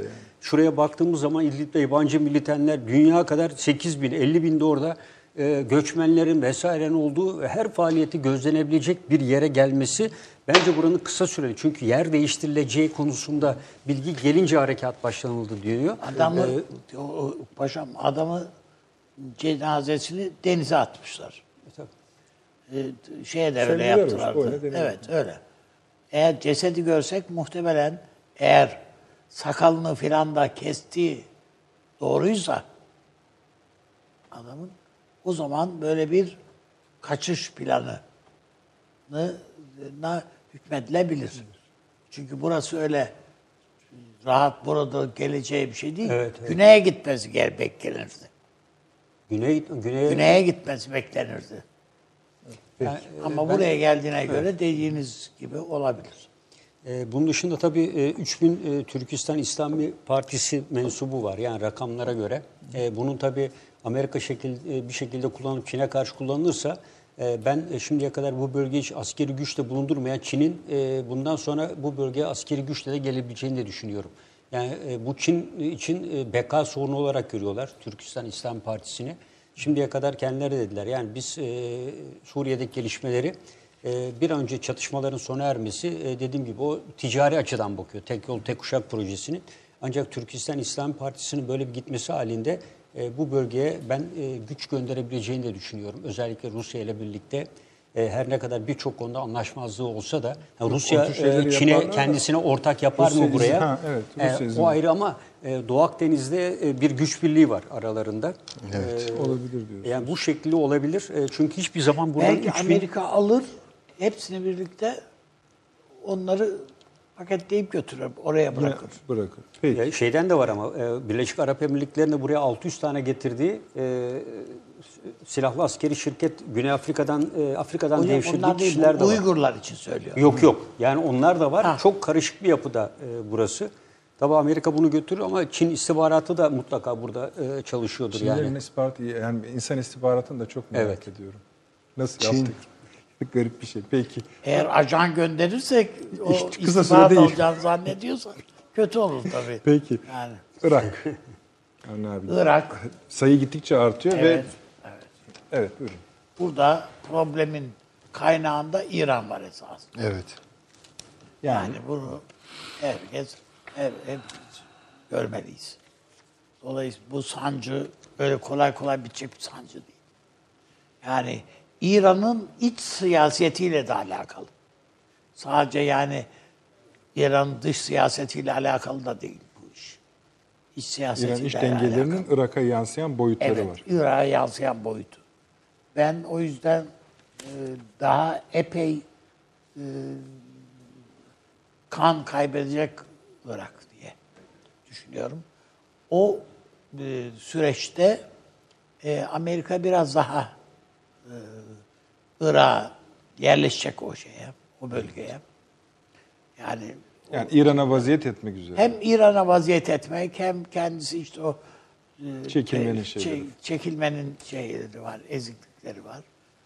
Ama öbür taraftan e, Kürt yönetimi de orada güçlenecek. Yani Irak Bu merkezi bu idaresi tabii. Merkezi idaresindeki bu e, şaşkınlık devam ettiği sürece Peki. o da güçlenecektir diye düşünüyorum. Ben e, bu bakımdan Mesrur Barzani'nin Türkiye gelişini önemsedim. önemsedim. Burada Türkiye aleyhine yayın yapan iki büyük televizyon var. Ve bunların ikisini de Mesrur Barzani yönetiyor. Altını bir daha çizerek söylüyorum. Anladım. İstihbarattan da sorumluydu daha önce. Dolayısıyla yani bunların Türkiye temsilcileri filan hepsi yani filan bunlar herhalde e, bu Mesut Barzani ile görüşmede herhalde e, Yüzüne söylemedi. Milli İstihbarat Teşkilatı kendisine bunların böylece e, ya bu oyunun böyle devam etmeyeceğini herhalde söyleyecektir. Ha, kulağını çekecekler diyorsun Bunu aslında. ümit ediyorum. Peki. Yani dikkatini çekeceklerdir yani. Ben söyleyeyim, sen söyle. Peki. Süleyman Hocam, Irak. Şimdi e, yakın zamanlarda alınan haberlerden biri Amerika'nın askeri varlığını Irak'a kaydırdığı yolundaydı. Bu süreçte el yevim devam ediyor anlayabildiğim kadarıyla. Şimdi IŞİD sahneden çekiliyorsa PYD için yeni bir varoluş sebebi gerekiyor. Bence bunun ağırlığını büyük ölçüde Irak'a kaydıracaklar. Sincar bölgesine. Var oldu sebep. Hmm. İran'a karşı. Oradaki Haçlı Şabi hareketine karşı. Ve bütün mesele de zaten İran'la Irak arasındaki o Şii ortak paydasını çatlatmak. Bu iki güç arasındaki bağı koparmak. Bunu istiyorlar. Yani bundan sonra diyorum ya işte Fırat'ın doğusu meselesini Irak içlerine doğru okumak lazım Eyvallah. derken kastettiğim de zaten buydu. Buydu. Buydu. Yani PYD'ni daha fazla e, anti-İran bir forma sokmak için e, bir çalışma yapılıyor olabilir. Belirtiler de bunu gösteriyor tahmin ediyorum. E, ya da Kulağımızda küpe olsun. evet yani ya Suriye'de kaybettin ama bak Irak'ta da kazanırsın. Zaten ba- kim demişti onu? Ya Dışişleri Bakanı dedi ya Trump. Ha, Dışişleri Bakanı dedi galiba. Ya savunma. Başka alanlarda çalışacağız beraber. O odur ama. İşte o Ben demişti. onu duymamıştım mesela ama Yo, yo, buraya oturuyor. demişti. Evet. Buraya Yani oturuyor. üzülmeyin. Başka alanlarda birlikte çalışacağız. Çalışacağız. Ya savunma bakın ben onu bulurum. Paşam Irak için bir şey söylerseniz. Irak'ta şöyle yani Irak'ta İran-Amerikan çekişmesi var ama e, bir de gerçekler var. Yani ben bugün e, biraz da Irak'la ilgili demografik ve diğer bilgilere 35 yaş altı nüfus Irak nüfusunun %75'i ve bunlar tamamen işsizler. E, kurulan ulusal birlik hükümeti bunu yönetemiyor ve 2003'ten beri 450 milyar dolarlık bir fon, kamu fonu kayıp. E, ciddi bir yolsuzluk söz konusu. Dünya Şeffaflık Örgütü'nde 180 ülke arasında 168. ve Irak dinarı yüzde bir- 1500 oranında devalüe edilmiş bir para. Dünyanın en büyük Şu dördüncü an koskoca ülke ne hale geldi? Dördüncü büyük petrol rezervine sahip ama her şehirde elektrik kesintisi, su kesintileri ve hastalıklar Hocam had safhada. benzini Türkiye'den alıyorlar Evet, biliyorsunuz. Petrol sahibi Ee, ülke. ve en önemli çekişme alanı e, şu anda Irak Başbakanı Abdülmehdi terörle mücadele birim komutanı Amerikan yanlısı Abdülvahap El Sadi'yi görevden almasıyla başlıyor. E, bu e, Şey, olaylar mı öyle başlıyor? Evet, Ha. olayların en büyük tetiklenmesinin nedeni bu halk tarafından çok sevilen ve terörle mücadele yapısı içindeki bütün yolsuzlukla mücadele eden ve halkın sevgisini kazanan bir insan. Fakat Amerika'ya yakın hareket ediyor. Bunun üzerine Amerika Birleşik Devletleri de e, Haçlı Şabi'nin yapısında hükümet tarafından atanan yardımcının görevden alınmasına e, Ebu Mehdi mühendis isimli kıza çekiliyor. Bu da Amerikan baskısıyla oluyor. Yani e, terörle mücadele birim başkanı Yani İran'ın, diğeri Amerika'nın. değil mi? Ya, ya vallahi. Evet. E, göster- İran'la Amerika Evet. senin sana efendim ba- başbakan bakan olarak onu mu tayin edeceğim bunu da o yüzden kapışıyorlar. Biri diğerini öldürüyor. Evet, zaten e, ulusal birlik hükümeti diye biri olduğu için muhalefet yok. E, herkes kendi çıkar gruplarına hizmet ediyor. Temel neden menfaat Şunu not gruplarının bunu e, hiçbir şey yakalanmaması. Gösterilerde katil Amerika, İran dışarı, özgür Bağdat sloganları, Amerika, İsrail ve e, İran bayraklarının yakılması çok önemli. Ay- Şii lider protesto ederek şiddet hareketlerinin kesilmesini yoksa, yoksa mücadeleye devam edileceğini ifade ediyor. Mukteda El Sadr da benzer şekilde hükümet istifa etmeli ve erken seçime gidilmeli. Yeni bir reformda özellikle e, çok fakir olan kesime e, aylık 147 dolarlık 174 dinar karşılığı para ödemesi. Aramızda tam iyiydi yani. Evet. Böyle savruluyor işte ülke yani. İşte bu gösterilerde e, güvenlik Tehlikeli e, yani gösterilere güçlerinden ve göstericilerden hasta hayatını kaybedenlerin şehit sayılması, Sağlık Bakanlığı'nın tedavilerin üstlenmesi vesaire gibi diyor. Hayat çok pahalı, halkın satın alma gücü ve petrol gelirleri e, JP Morgan finans kurumlarıyla Amerikan bankaları işletiyor petrol gelirlerini. En önemli Hocam bu. şöyle, ya Birleşmiş Milletler'de bir fon var. Evet. Bütün Irak petrolü satışan, elde edilen bütün gelir oraya yatıyor. Amerika işgal sırasında harcadığı Parayı- mer- mermilerin düşüyor. filan paketi Tazminat olarak. parası Evet, düşüyor. Şimdi Suriye'de de bu numaraları yapabilirler. Zaten Biz şu o- kadar para harcadıydık diye. Trump'ın 2011'de lafın atıfta bulunuyor. E, Her savaştan galip çıkanlar ganimetten pay almalıdır diyor. Öyle. Yani 2011'de söylediği bir söz var Trump'ın. E, Dolayısıyla onu bir e, şey getiriyor. Şu anda tabii ikinci bir reform paketi hazırlığı da var. Yani bu ciddi bir şekilde işsizlere iş bulunması. Her yıl yaklaşık çalışma yaşına 800 bin Iraklı genç giriyor. Bunlara iş imkanı yok. Tamamen sokaklardalar. Dolayısıyla olayın bu boyutunu hem Amerika hem İran kendi açısından kullanmaya çalışıyor. Bu şekilde ifade edebiliriz. Evet. Bu Ermeni tasarısı e, Şimdi bir oraya geliyor. karar meclisi Son oylama komisyonundan geçmiş. Temsilciler Meclisi'nden değil. değil. Hayır, orada son oylaması yapılacak. Perşembe günü de son oylaması temsil yapılacak. Yani tasarının oylanması onaylandı.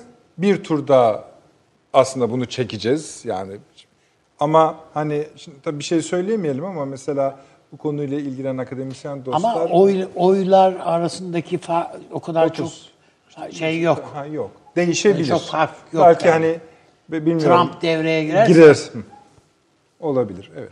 Yani, Yani ben çünkü ayın 13'ünde eğer bu kata, tasarı böyle çıkarsa ayın 13'ünde e, görüşme Cumhurbaşkanımızın tabii Amerika'ya gidişi herhalde çok o kadar Kolay olmayacak. kolay olmaz gitse de yani. tatsız tadı da kaçabilir. İç siyaset açısından da kolay Bir olmaz. onun zamanını da bir bakalım. Onu hemen mi oyluyorlar acaba onu? Vallahi Onu da bilmiyorum. bir öne şimdi. Perşembe günü şimdi. diye. Gelir şimdi. Peki. Perşembe, Perşembe günü Trump'ın Önemli. azil oylaması da var. Yo, şu anda da şeyler devam ediyor. Bir yandan da yani biz girerken bakıyordum Amerika'da senatonun kendi kamerasından görebiliyorsunuz onu. Askerler şey veriyorlar. O iddia azil süreciyle ilgili Evet. e, mahkemeye öyle söyleyelim komisyona İfade. ifade veriyorlar askerler. O zaman şöyle olmuştu ben yanındaydım. Hayır öyle bir konuşma olmamıştı falan filan gibi. Devam ediyor yani bir yandan. Perşembe birinci oylaması olacak. Ve açık. Evet. Yani kamuoyu görebiliyor. Çok yıpratıcı bir şey. Peki Avni abi, Jared Kushner Evet. İsrail'e geldi. Tabii. Bünyamin çok seviyorsunuz onu. Yani evet. Tabii ben, ben- Yani herkes patron patron dediğin işinin başında olur ya. Çocuk da gitti işte. Yani bu harala gürele içinde Evet, hala tabii. mesaisini sürdürüyor. Yani işini yapıyor bunlar esasında. Bu Trump'ın adamlarının bir özelliği de bu. Yani ihmal etmiyorlar kardeşim. Orada paçamız dertte. Yani varsın şunu bir önümüzdeki Atlatalım aya atlatalım da ondan sonra bakarız. Hayır yok. Onu da yürütelim diye bakıyorlar. Ee, ben o bakımdan e, İsrail'in e, bu böyle gitmeyecek İsrail. Gitmeyecek yani. Yani ne demek istiyorsunuz? Şimdi bakın şöyle bir şey var. Yani mesela az önce dedik ya bu evet e, özel bölge olmaz filan filan Suriye'de filan ama bir takım kantonlar mantonlar üreteceğiz yani. Böyle olacak. Ama Bu işte diyelim ki işte Kürt kantonu, pek PYD kantonu olacak. Bir de Türkmen kantonu da olsun diye biz ısrar edeceğiz bilmem ne filan filan. Bunların hepsi diyelim ki mesela Suriye toprağı yani Golan. Mut- or- Orada Türkmen köyleri var zaten Golan'da. Türkmenlerin oradaki dezavantajı şu. Irak'taki bütün gruplar politize oldular. Türkmenler politize olamadı. Yani Türkiye'nin en büyük hataları bunlar. Irak'ta, Suriye'de politize olamadık. Biz işte Kıbrıs'ta yani Fazıl Küçük olmasa efendim e, Allah rahmet eylesin e, Denktaş. Denktaş. Denktaş olmasa e, hiç yani e, Türkiye'den çıkan demeçlerden falan geçmişten biliriz. Yani Türkiye'nin Kıbrıs diye bir sorunu yoktur diye demeç bile verildi yani. Evet. Ama iyi ki de olmuşuz. Olmuş. İyi ki o liderler. E, aynı şey e, Batı Trakya Türkleri için de geçerli. Liderlik önemli bir şeydir yani. Onun için Sadık Tabii Ahmet'i o, o Doktor Sadık Ahmet olmasa bu e, Doğu e, şey e, Batı Trakya Türklüğü bugün daha farklı bir organizasyon içerisinde olmazdı. Şimdi daha bir bilinç var. Daha bir ısrar var. Bu aynı şey Bulgaristan için de geçerli. Yani bunlar liderlik önemli.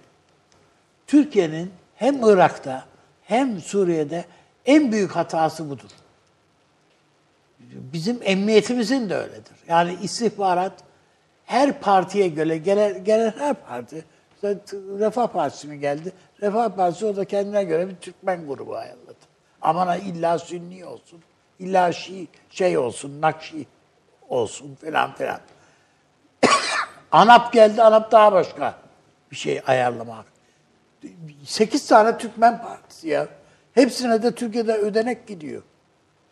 Destek çıkıyoruz yani hepsine. Tamam Türkmenler 30 yıllık mesele değil. Ya 30 yıllık 40 yıllık fark etmiyor. Yani mesele e, 100 yıllık da olabilir. Ama bir araya gelmiyor, gelmiyor o, işte bunlar. Dediğim o kadar yani. E, gelmiyor. Herkes parayı alınca küçük olsun benim olsun deyip oturuyor. Aynı şey Suriye'de de geçerli. Suriye Türkmenleri bakma Şam'da da çok güçlüdürler. Muhtemelen şu anda Esed'in yakınında, yakın çevresinde Türkmenler de var. Çok büyük iş adamları çünkü Türkmenler. Siyasetle uğraşmadılar. ya para kazanmanın derdine düştüler. Süleyman Hocam. Yani şey bu Kuşner'in ziyareti İsrail'in derlen, siyaseten derlenip toplanmasına ilişkin güçlü işaret veriyor. Çünkü iki tarafla da konuşup bağlayın artık diyor.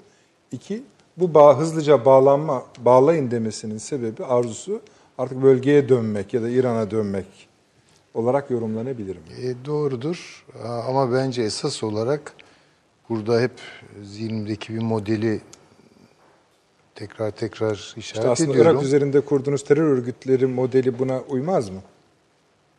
Ne açıdan? E çünkü oraya doğru evrilecek bir şey var. İran'a doğru Ha evrilecek. tabii Ha. tabii tabii tabii muhakkak. Şimdi bir kere Kuşner nasıl bir adam buna bir bakalım. Ee, Rusya, pro Rusya bir Yahudi. Yani Rusya ile İsrail'in arasındaki ilişkilerin sıkı olmasını istiyor. Yani Amerika, Rusya ve İsrail bağlamını zihninde kurmuş ve bunu devam ettiriyor. Ee, bu bölgenin de aşağı yukarı nasıl bir şekil alacağı bu üçlünün ve buna bir şekilde bir tarafından giren Türkiye'nin ağırlığıyla ortaya çıkacak. Dolayısıyla bu azil meselesini ben önemsemiyorum. Böyle bir şey olmaz. Bu bir bardak suda koparılan bir fırtına. Eğer oluyorsa bütün hesaplarımızı yeniden gözden geçirmek durumunda ve çok vahim bir dünyaya gidiyoruz demektir o. Yani çok çok vahim bir dünyaya gidiyoruz demektir. Bu azil olmaz. Yani sonuçta bir can taşıyor tabii. Trump'ın başına da bir iş getirilebilir. Yani bu böyle bir risk de var. Hocam adam da e, lafını esirgemiyor. Esirgemiyor darbe, tabii. Darbe dedi ya. Tabii. Adını koydu aslında. Adını, ama Bu- şunu bu- da bu darbe girişimi dedi. bütün o Orta Batı'nın köylülerini topladı getirdi. Adamlar Biliyorsunuz traktörleriyle maça gitti biliyorsunuz. Çok ağır yuhalandı muhalandı. İzleyebildiniz Tabii, mi tabii, bilmiyorum. onu biliyorum. Ama gerçek tablo o değil Amerika. değil tabii çünkü seçimi alacak. Normal şartlarda Ondan alacak. sonrasını ben de sizin kadar tehlikeli görüyorum. E, ondan sonrasını ben e, bilemiyorum. Yeniden konuşabiliriz ama Trump'ı iktidardan etmek isteyen güçlerin kafasındaki dünya çok daha Tehlikeli çok daha tehlikeli Onu diyorum. dünya. Hani işte onu hani Gözü kara. göz işte o, o olabilir. Yani çünkü seçimi Ya bir merhale olarak şey, görüyorlar. Suriye'de gördük adamların ne kadar gözlerini karartabileceklerini. Ama işte Trump'ın şöyle bir şeyi var. Bu derin Amerika, saldırgan Amerika, neyse militarist Amerika'ya karşı bir farklı yol takip ediyor. Yani bunlarla birebir örtüşmüyor. Mesela o Amerika, Trump'ı istemeyen Amerika eş derecede Amerika-Rusya ilişkilerini de istemiyor. Hatta hatta Amerika ile e, İsrail arasındaki ilişkileri de Trump'ın öngördüğü gibi veya Kushner'in yürütmek istediği gibi istemiyor. Başka türlü istiyorlar. Dolayısıyla bence Kushner'in buraya gelişi yani Suriye, İsrail'e gelişi evet bir tür komp, kom- yatıştırma şeyi var. Süleyman Hocam, yani Irak Başbakanı'nın istifası lafları dolaşmaya başladı. E tamam işte. Abdülmehdi. Evet. Doğrudur. Hepsi birleşiyor yani. Bu öykü bu parçaları tek tek konuşmamızın sebebi tek tek olmadı, olmamalı. Hayır değil tabii. Hepsi birlikte Buyurunuz, yani. bağışlayın. Estağfurullah. Dolayısıyla yani geliş o. Bir kere azil meselesiyle bunun alakası olduğunu hiç düşünmüyorum. Eminler. Çünkü son aşamada yani e, büyük ölçüde Trump'ın eli rahatladı. Tr- Trump daha rahat şu an. Ve bu süreçte devam edecek bence. Dolayısıyla kafalarında kurdukları bir yakın doğu, içine hatta Rusya'yı da dahil etmek suretiyle bir yakın doğu kurgusunu hayata geçirmek istiyorlar. Evet. e, ha onu da verelim. Çok hemen döneceğim. tamam. Çünkü e, Avni abi o örneği pek sık veriyor. Sık verince de biraz ben onu şeyden e, hazırlatmıştım. Nasıl olsa bir gün yine bundan bahis eder diye. Verelim arkadaşlar o resmi. Abi 1958 orada e, Doktor Fazıl Küçük ve Rauf Denktaş Beyler görünüyor. 1958 yılı Cumhurbaşkanı Celal Bayar. Dördüncü kişi var ama onu bilemiyorum. E, işte Fazıl Küçük o. Yani öyle söyleyelim. Hep söylüyoruz söylüyoruz ama ekrana vermek için nedense Şimdi olmadı. bakın şöyle bir şey var. Aldık arkadaşlar. Seyircilerimiz de görmüş olsun. Efendim rahmetli Türkeş Bey'in e, damadı Hamit Homriş vardı. Ve Hamit de eski filan e, hukuk müşavirinin filan şeyi var. Onun oğlu, oğlu filan. Efendim bunlar ilk rahmetli Türkeş Bey'in şey yaptığı e, da içinde olduğu Kıbrıs Birliği'ni kurdular. Ankara yakınlarındaki bir köyde. Köyün adını veririm. Köyde. O zaman Cumhuriyet Halk Partisi Kıbrıs şey, bu yani 60 ihtilali öncesi pardon. Cumhuriyet Halk Partisi feryat figan etti. Menderes kendi ordusunu kuruyor diye. Ha? NATO'ya da tabii yani Kıbrıs'a mücahit teşkilatı kuruyorsun. NATO'ya bildirmek ayıp olur tabii. Bildirmemişsin. Menderes rahmetli o kadar mahcup açıklamalar yapmak ve o birliği dağıtmak durumunda kaldı. Yani bütün bunlar, onlar, bunları yapan insanlar 60 ihtilalinden sonra o birliği tekrardan kurmak ihtiyacını hissettiler. Sayın Hocam buyurunuz ne olur. Kuşnak konuşuyoruz. Ee, yani evet şimdi bu açılımın daha doğrusu bu dizilimin e, Washington, Moskova ve Tel Aviv arasındaki evet bu dizilimin içinde eksik bir parça var. Türkiye. Şimdi Türkiye ile İsrail arasında bir mesele var ve bunun henüz giderilebileceğine dair bir emare de yok. Görmedik evet. Bundan sonra benim beklediğim eğer tutturabilirse Trump bu siyasetlerini, evet bu e, politikalarını bir hummalı gayret Türkiye ile İsrail'in arasını bulmak için olacak. Yani bu iki şeyi yeniden bir ortak e, noktaya getirme meselesi. Ama bu ara İsrail'in bir takım düşleri var. İşte bu Fırat'ın doğusundan hareketle işte Türkiye içlerini düşünen, işte vaat edilmiş coğrafyalarına dahil ettiği, hatta İran'ın bazı toprakları falan. Şimdi bunlardan bu adamların kafası temizlenebilecek mi? Bunları aşarak siyaset yapmayı becerebilen bir İsrail lideri çıkacak mı? Ee, Hamas ne olacak? Ee, Filistin meselesi ne olacak? Hakikaten çok komplike bir iş.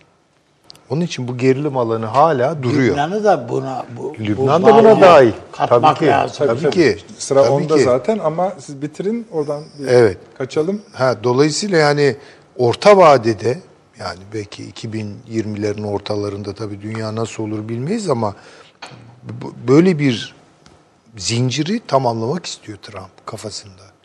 Yani Washington, Moskova, Ankara, Tel Aviv, e, işte neyse artık başka açılımları, Kahire filan.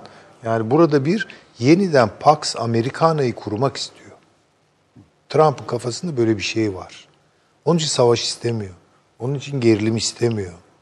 Onun çünkü bütün meselesi Çin. Önceliği de o. Gerçekten o. Çünkü Çin çok Amerika'nın kız, kız- kırmızı çizgilerini 8-10 fersah geçti.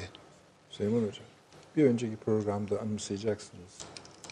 Bir fotoğraf paylaşmıştık. Yani bu, bu kadar haber görüyoruz. Hindistan'da işte Henry Kissinger, Condoleezza Tabii, Rice, tabii, Tony tabii, Blair tabii, falan. tabii. Şimdi bakın ne oldu biliyor musunuz? Fotoğraf yayınlandı. Bir gün sonra kendi görüşmeleri bitti. Tek tek de görüşmüşler. Sonra ayrıldılar. Tabii. Ayrıldığı gün Hindistan-Amerika arasındaki savunma işbirliği anlaşması 2012'den beri devam Tabii. ediyor. Bunun içinde savaş uçakları teknolojisi ve motorları var. Uçak gemisi motorları teknolojisi var yüksek. Hepsi durduruldu. şey tarafından, Hindistan tarafından ama asıl askıya alan Amerika'ydı. İlk önce askıya aldı. Sonra da karşılık olarak Hindistan bütün o dört, Çin ilişkileri. değil mi? Ve bu şeyden sonra gerçekleşti. Kissinger ziyaretinden sonra. Kissinger nedeniyle değil bence ama. Tabii, tabii. Kissinger ziyareti. Onu sabote Pen- ediyorlar. Pentagon o- oynuyor Yaşar. ya adamlar.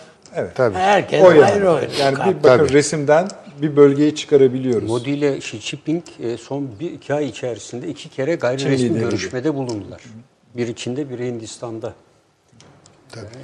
Yani işte Yalnız böyle. bundan şeyle Türkiye'nin de bu Hindistan meselesini bir artık bir tekrardan gözden geçirmesi lazım. Peki. Yani bizim bu e, yani Babür e, ha- Anlıyor. hanlığını filan tekrardan bir okuyup Peki. ısıtıp insanlarımıza anlatmamız lazım. Bunları unuttuk tabii. Peki. Yalnız ben Hindistan'la ilgili bir şey söyleyebilir miyim? Yani e, şimdi Çin'in Pakistan'daki etkisi artmaya başladığı andan itibaren Hindistan-Pakistan gerilimi türedi. Yani Tabii doğru. Evet. Doğru hocam. Şimdi bence Amerika Birleşik Devletleri yani Trump'ın kafasındaki modelde Hindistan çok mühim bir rol oynuyor ve Hindistan'ı kazanacaklar. Çevreleme için şart diyor. Şart. Yani Çin'le Hindistan'ın anlaşması Pakistan burada kimin lehinde? Çin çok açık. Güzel. Yani Amerika'ya karşı. Tabii ki. Tabii canım Güzel. otoyol Tabii yapıyor ki ya. Amerika şey e, İslamabad'da bugün gerçekleşen olayların arkasında Muhakkak. Tabii. güzel. Muhakkak. Ya ama Hindistan'ı ben e, Çin'in böyle do- doğal müttefiki işte Modi görüşebilir Çin'le onu bilemem ne görüştüklerine bağlı ama e, Hindistan'ı büyük ölçüde Amerika domine etmek isteyecektir. Bunu Ama görelim. garip olan işte bu demin dediğim olay. Pentagon'un bunu baltalamaya çalışması. Çok garip. yani. Oo, yapıyorlar. Hocam yani yapıyorlar onu. Çin Himalayalar üzerinde otoyol Canım, yapıyor. Tabii ki. Yani Pakistan'ın elini rahatlatalım karar diye. verdiler. Yani Rusya ile Çin ikinci görüşmede ticaret hacmini Ama zaten yerlerde sürünüyor biliyor 27 musun? milyar dolardan işte 100 küsür milyar dolarlara Ama bu çıkartmayı olmayacak çünkü rentable değil. Ben onunla ilgili bazı yazılar okudum. Yani bir kere iki ülke arasındaki ticari ilişkiler yerle hiç akıllara gelmeyecek düşük rakamlarda. Yani işte Petrol şeyi bile yok doğru düzgün. Yani mesela Rusya'dan almıyor ki petrolü. Çünkü Rusya'dan o petrolün Çin'e intikali çok büyük bir masraf. Çok çok ağır bir masraf. Petrol esas Hindi şeyin Rusya'nın istediği doğal gaz. E, Çin'in de doğal gaz şeyi yok. Yok, Talebi yani yok. İran meselesini de bozmaya çalışıyorlar bence biraz. Çünkü Tabii ki onu yap işte yani o orada bir mesele İran'la Pakistan arasındaki sorunları alevlendirebilirler. Birçok şey olabilir. Yani bu burada Hindistan'ın konumu çok belirsiz. Pakistan yaptı tercihini. Çok açık. Zaten çıkış yolu yok. İran ağırlıklı olarak Çin'den yana, yana yaptı. Ama Hindistan belirsiz. Bakın Rusya oraya gidiyor. Amerika gidiyor. Yani istiyorlar ki Hindistan'ı ikisi birlikte Çin'e karşı. Yani aslında şunu yansıtmaya çalışıyoruz sevgili izleyicilerimize. Başladığımız yerden geldiğimiz yer zaten zeminin nereye nasıl kaydığını gösteriyor. Gösteriyor. Parça Tabii, parça tabii, olayların tabii, tabii. tercümesi bu. Ama daha tamamlamadık efendim. Lübnan konuşacağız. Bu temsilciler meclisi kararına bir daha gideceğiz. Kısaca Pakistan konuşacağız. İşte bahsettik. Arkasından Yunanistan'daki ağır Amerikan değil mi silahlarının gelmesi meselesi var. Artık şeyi gözden çıkaracağız bağışlayınız. Şili'yi vesaire ki önemli. Ama yapacak bir şey yok. Hemen reklamların ardından beraberiz. 30 saniye reklam arası. Birinci sınıf bir kültürün, birinci sınıf bir düşüncenin, birinci sınıf bir duyarlılığın dergisi Cins, hem edebiyat dünyamızın önde gelen isimlerini hem de yeni kalemleri ağırlıyor. Her ay bayilerden ulaşabileceğiniz Cins dergi, dijital dünyaya da yeni bir kapı aralıyor.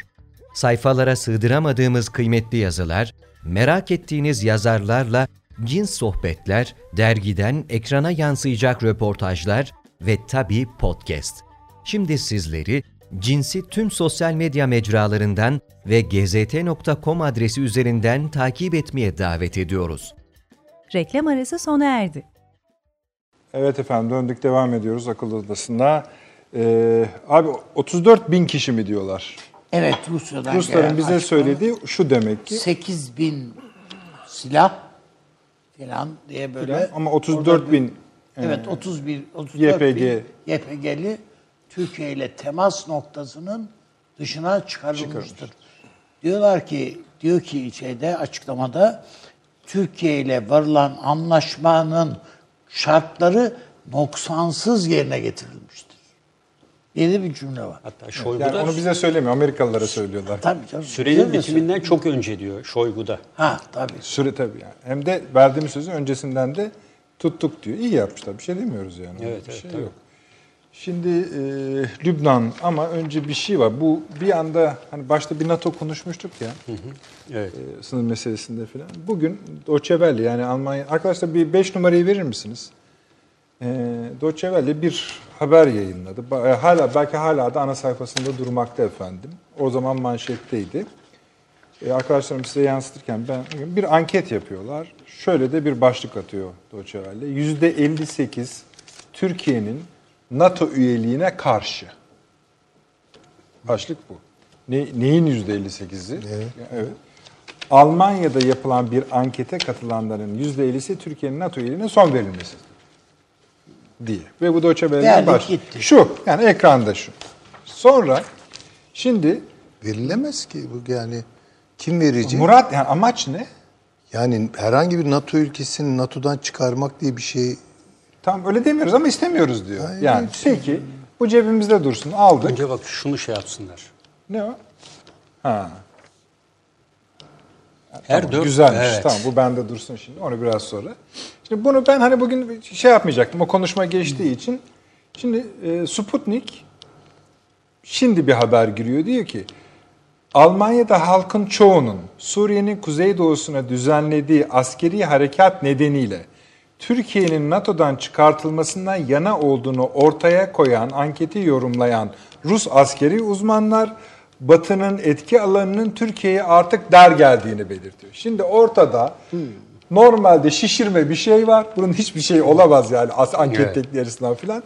Almanlar başka bir yerinden tutup bize başka bir şey söylüyorlar. O balonun üzerinden de Esasında Ruslar onlar Almanlar da değil. O anket oradaki Kürtler. Da yani. PKK'lılar arasında yapılmış bir Ama anket. ha, şimdi tabii ya işte şunun için gösteriyorum bu örneği. Böyle dönüyor dünya. Bunlar ciddi kanallar. Koca koca devletlerin resmi kanalları ama madem öyle Kendi kanalları bir de. kendi aynı kadar Welle'de şimdi Ama Paşa'nın bunlar, çıkardı. bunlar şöyle.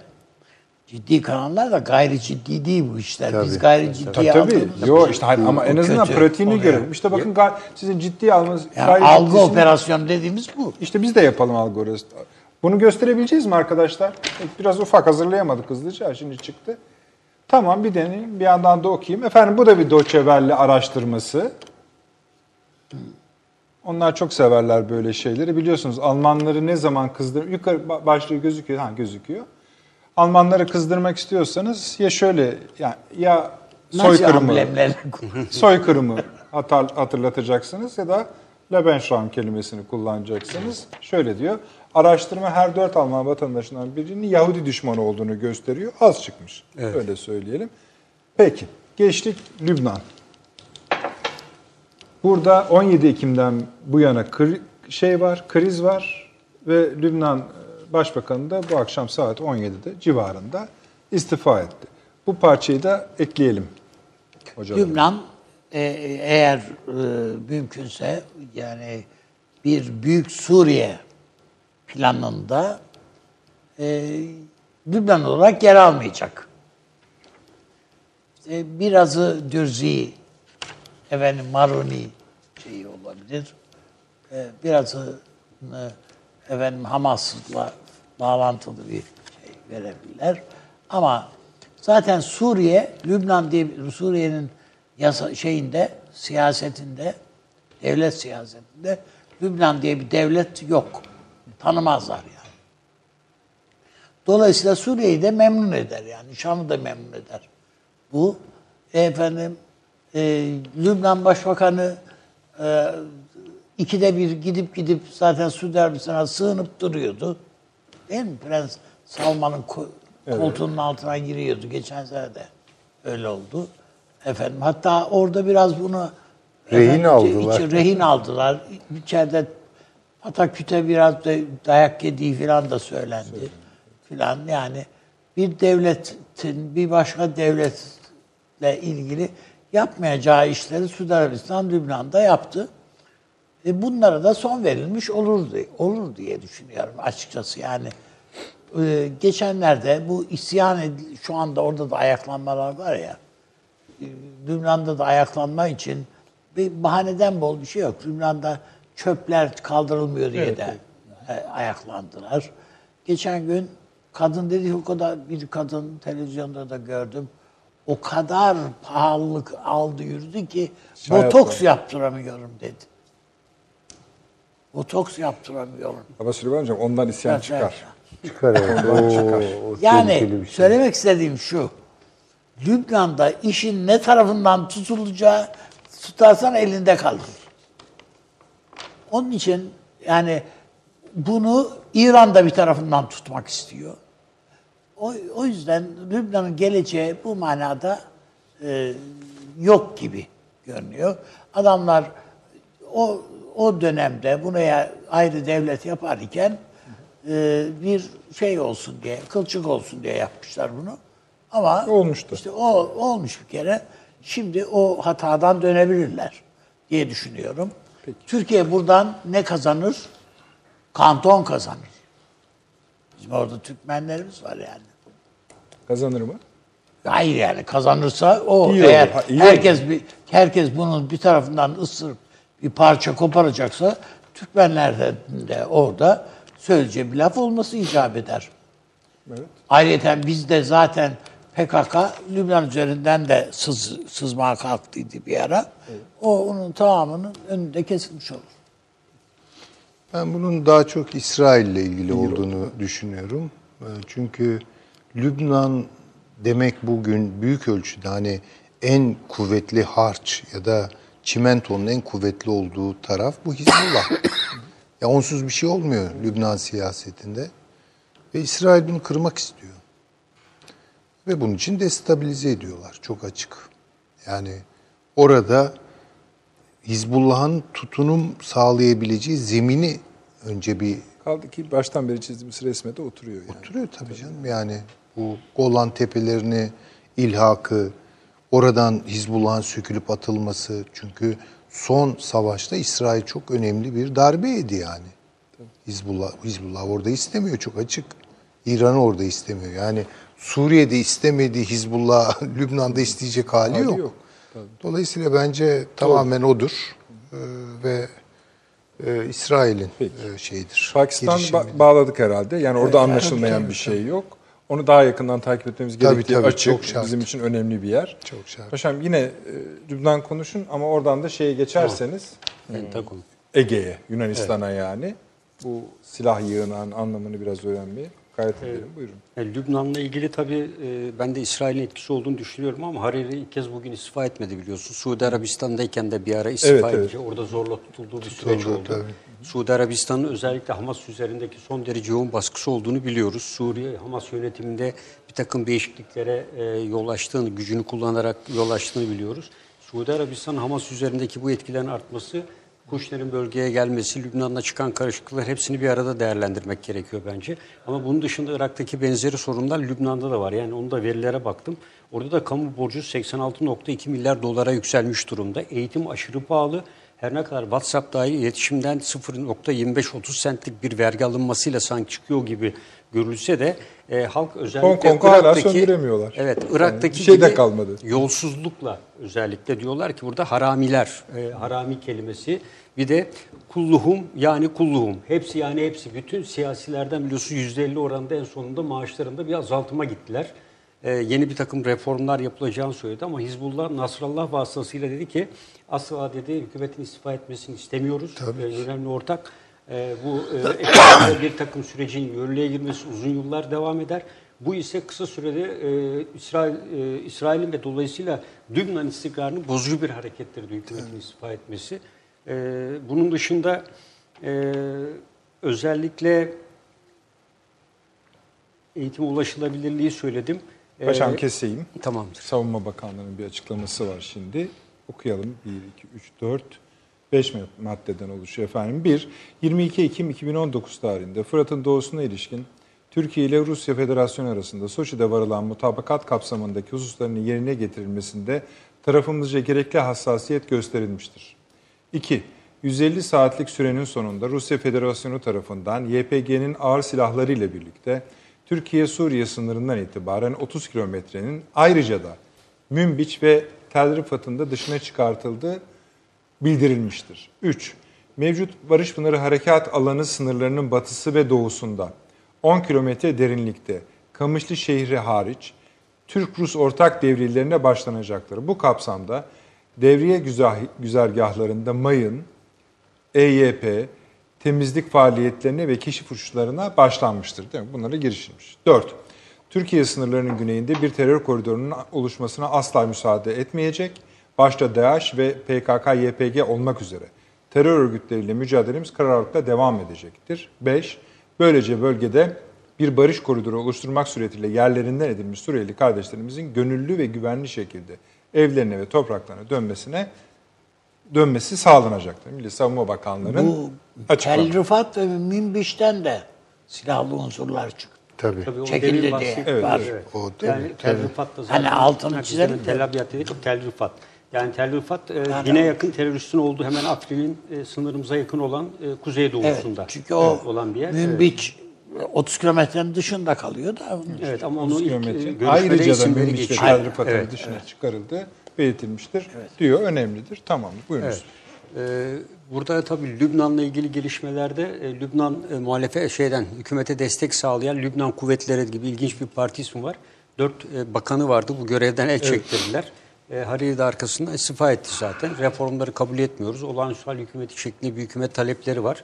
Ama bu e, Kuşner'le birlikte daha çok e, karışıklıkların devam edeceği e, söyleniyor. Ama en önemli özellik e, ortada sadece Lübnan bayraklarının olması ve bunun için farklı parti bayraklarını e, ortadan kaldırıcı bir yapı oluşturulmuş gösterilicilerden.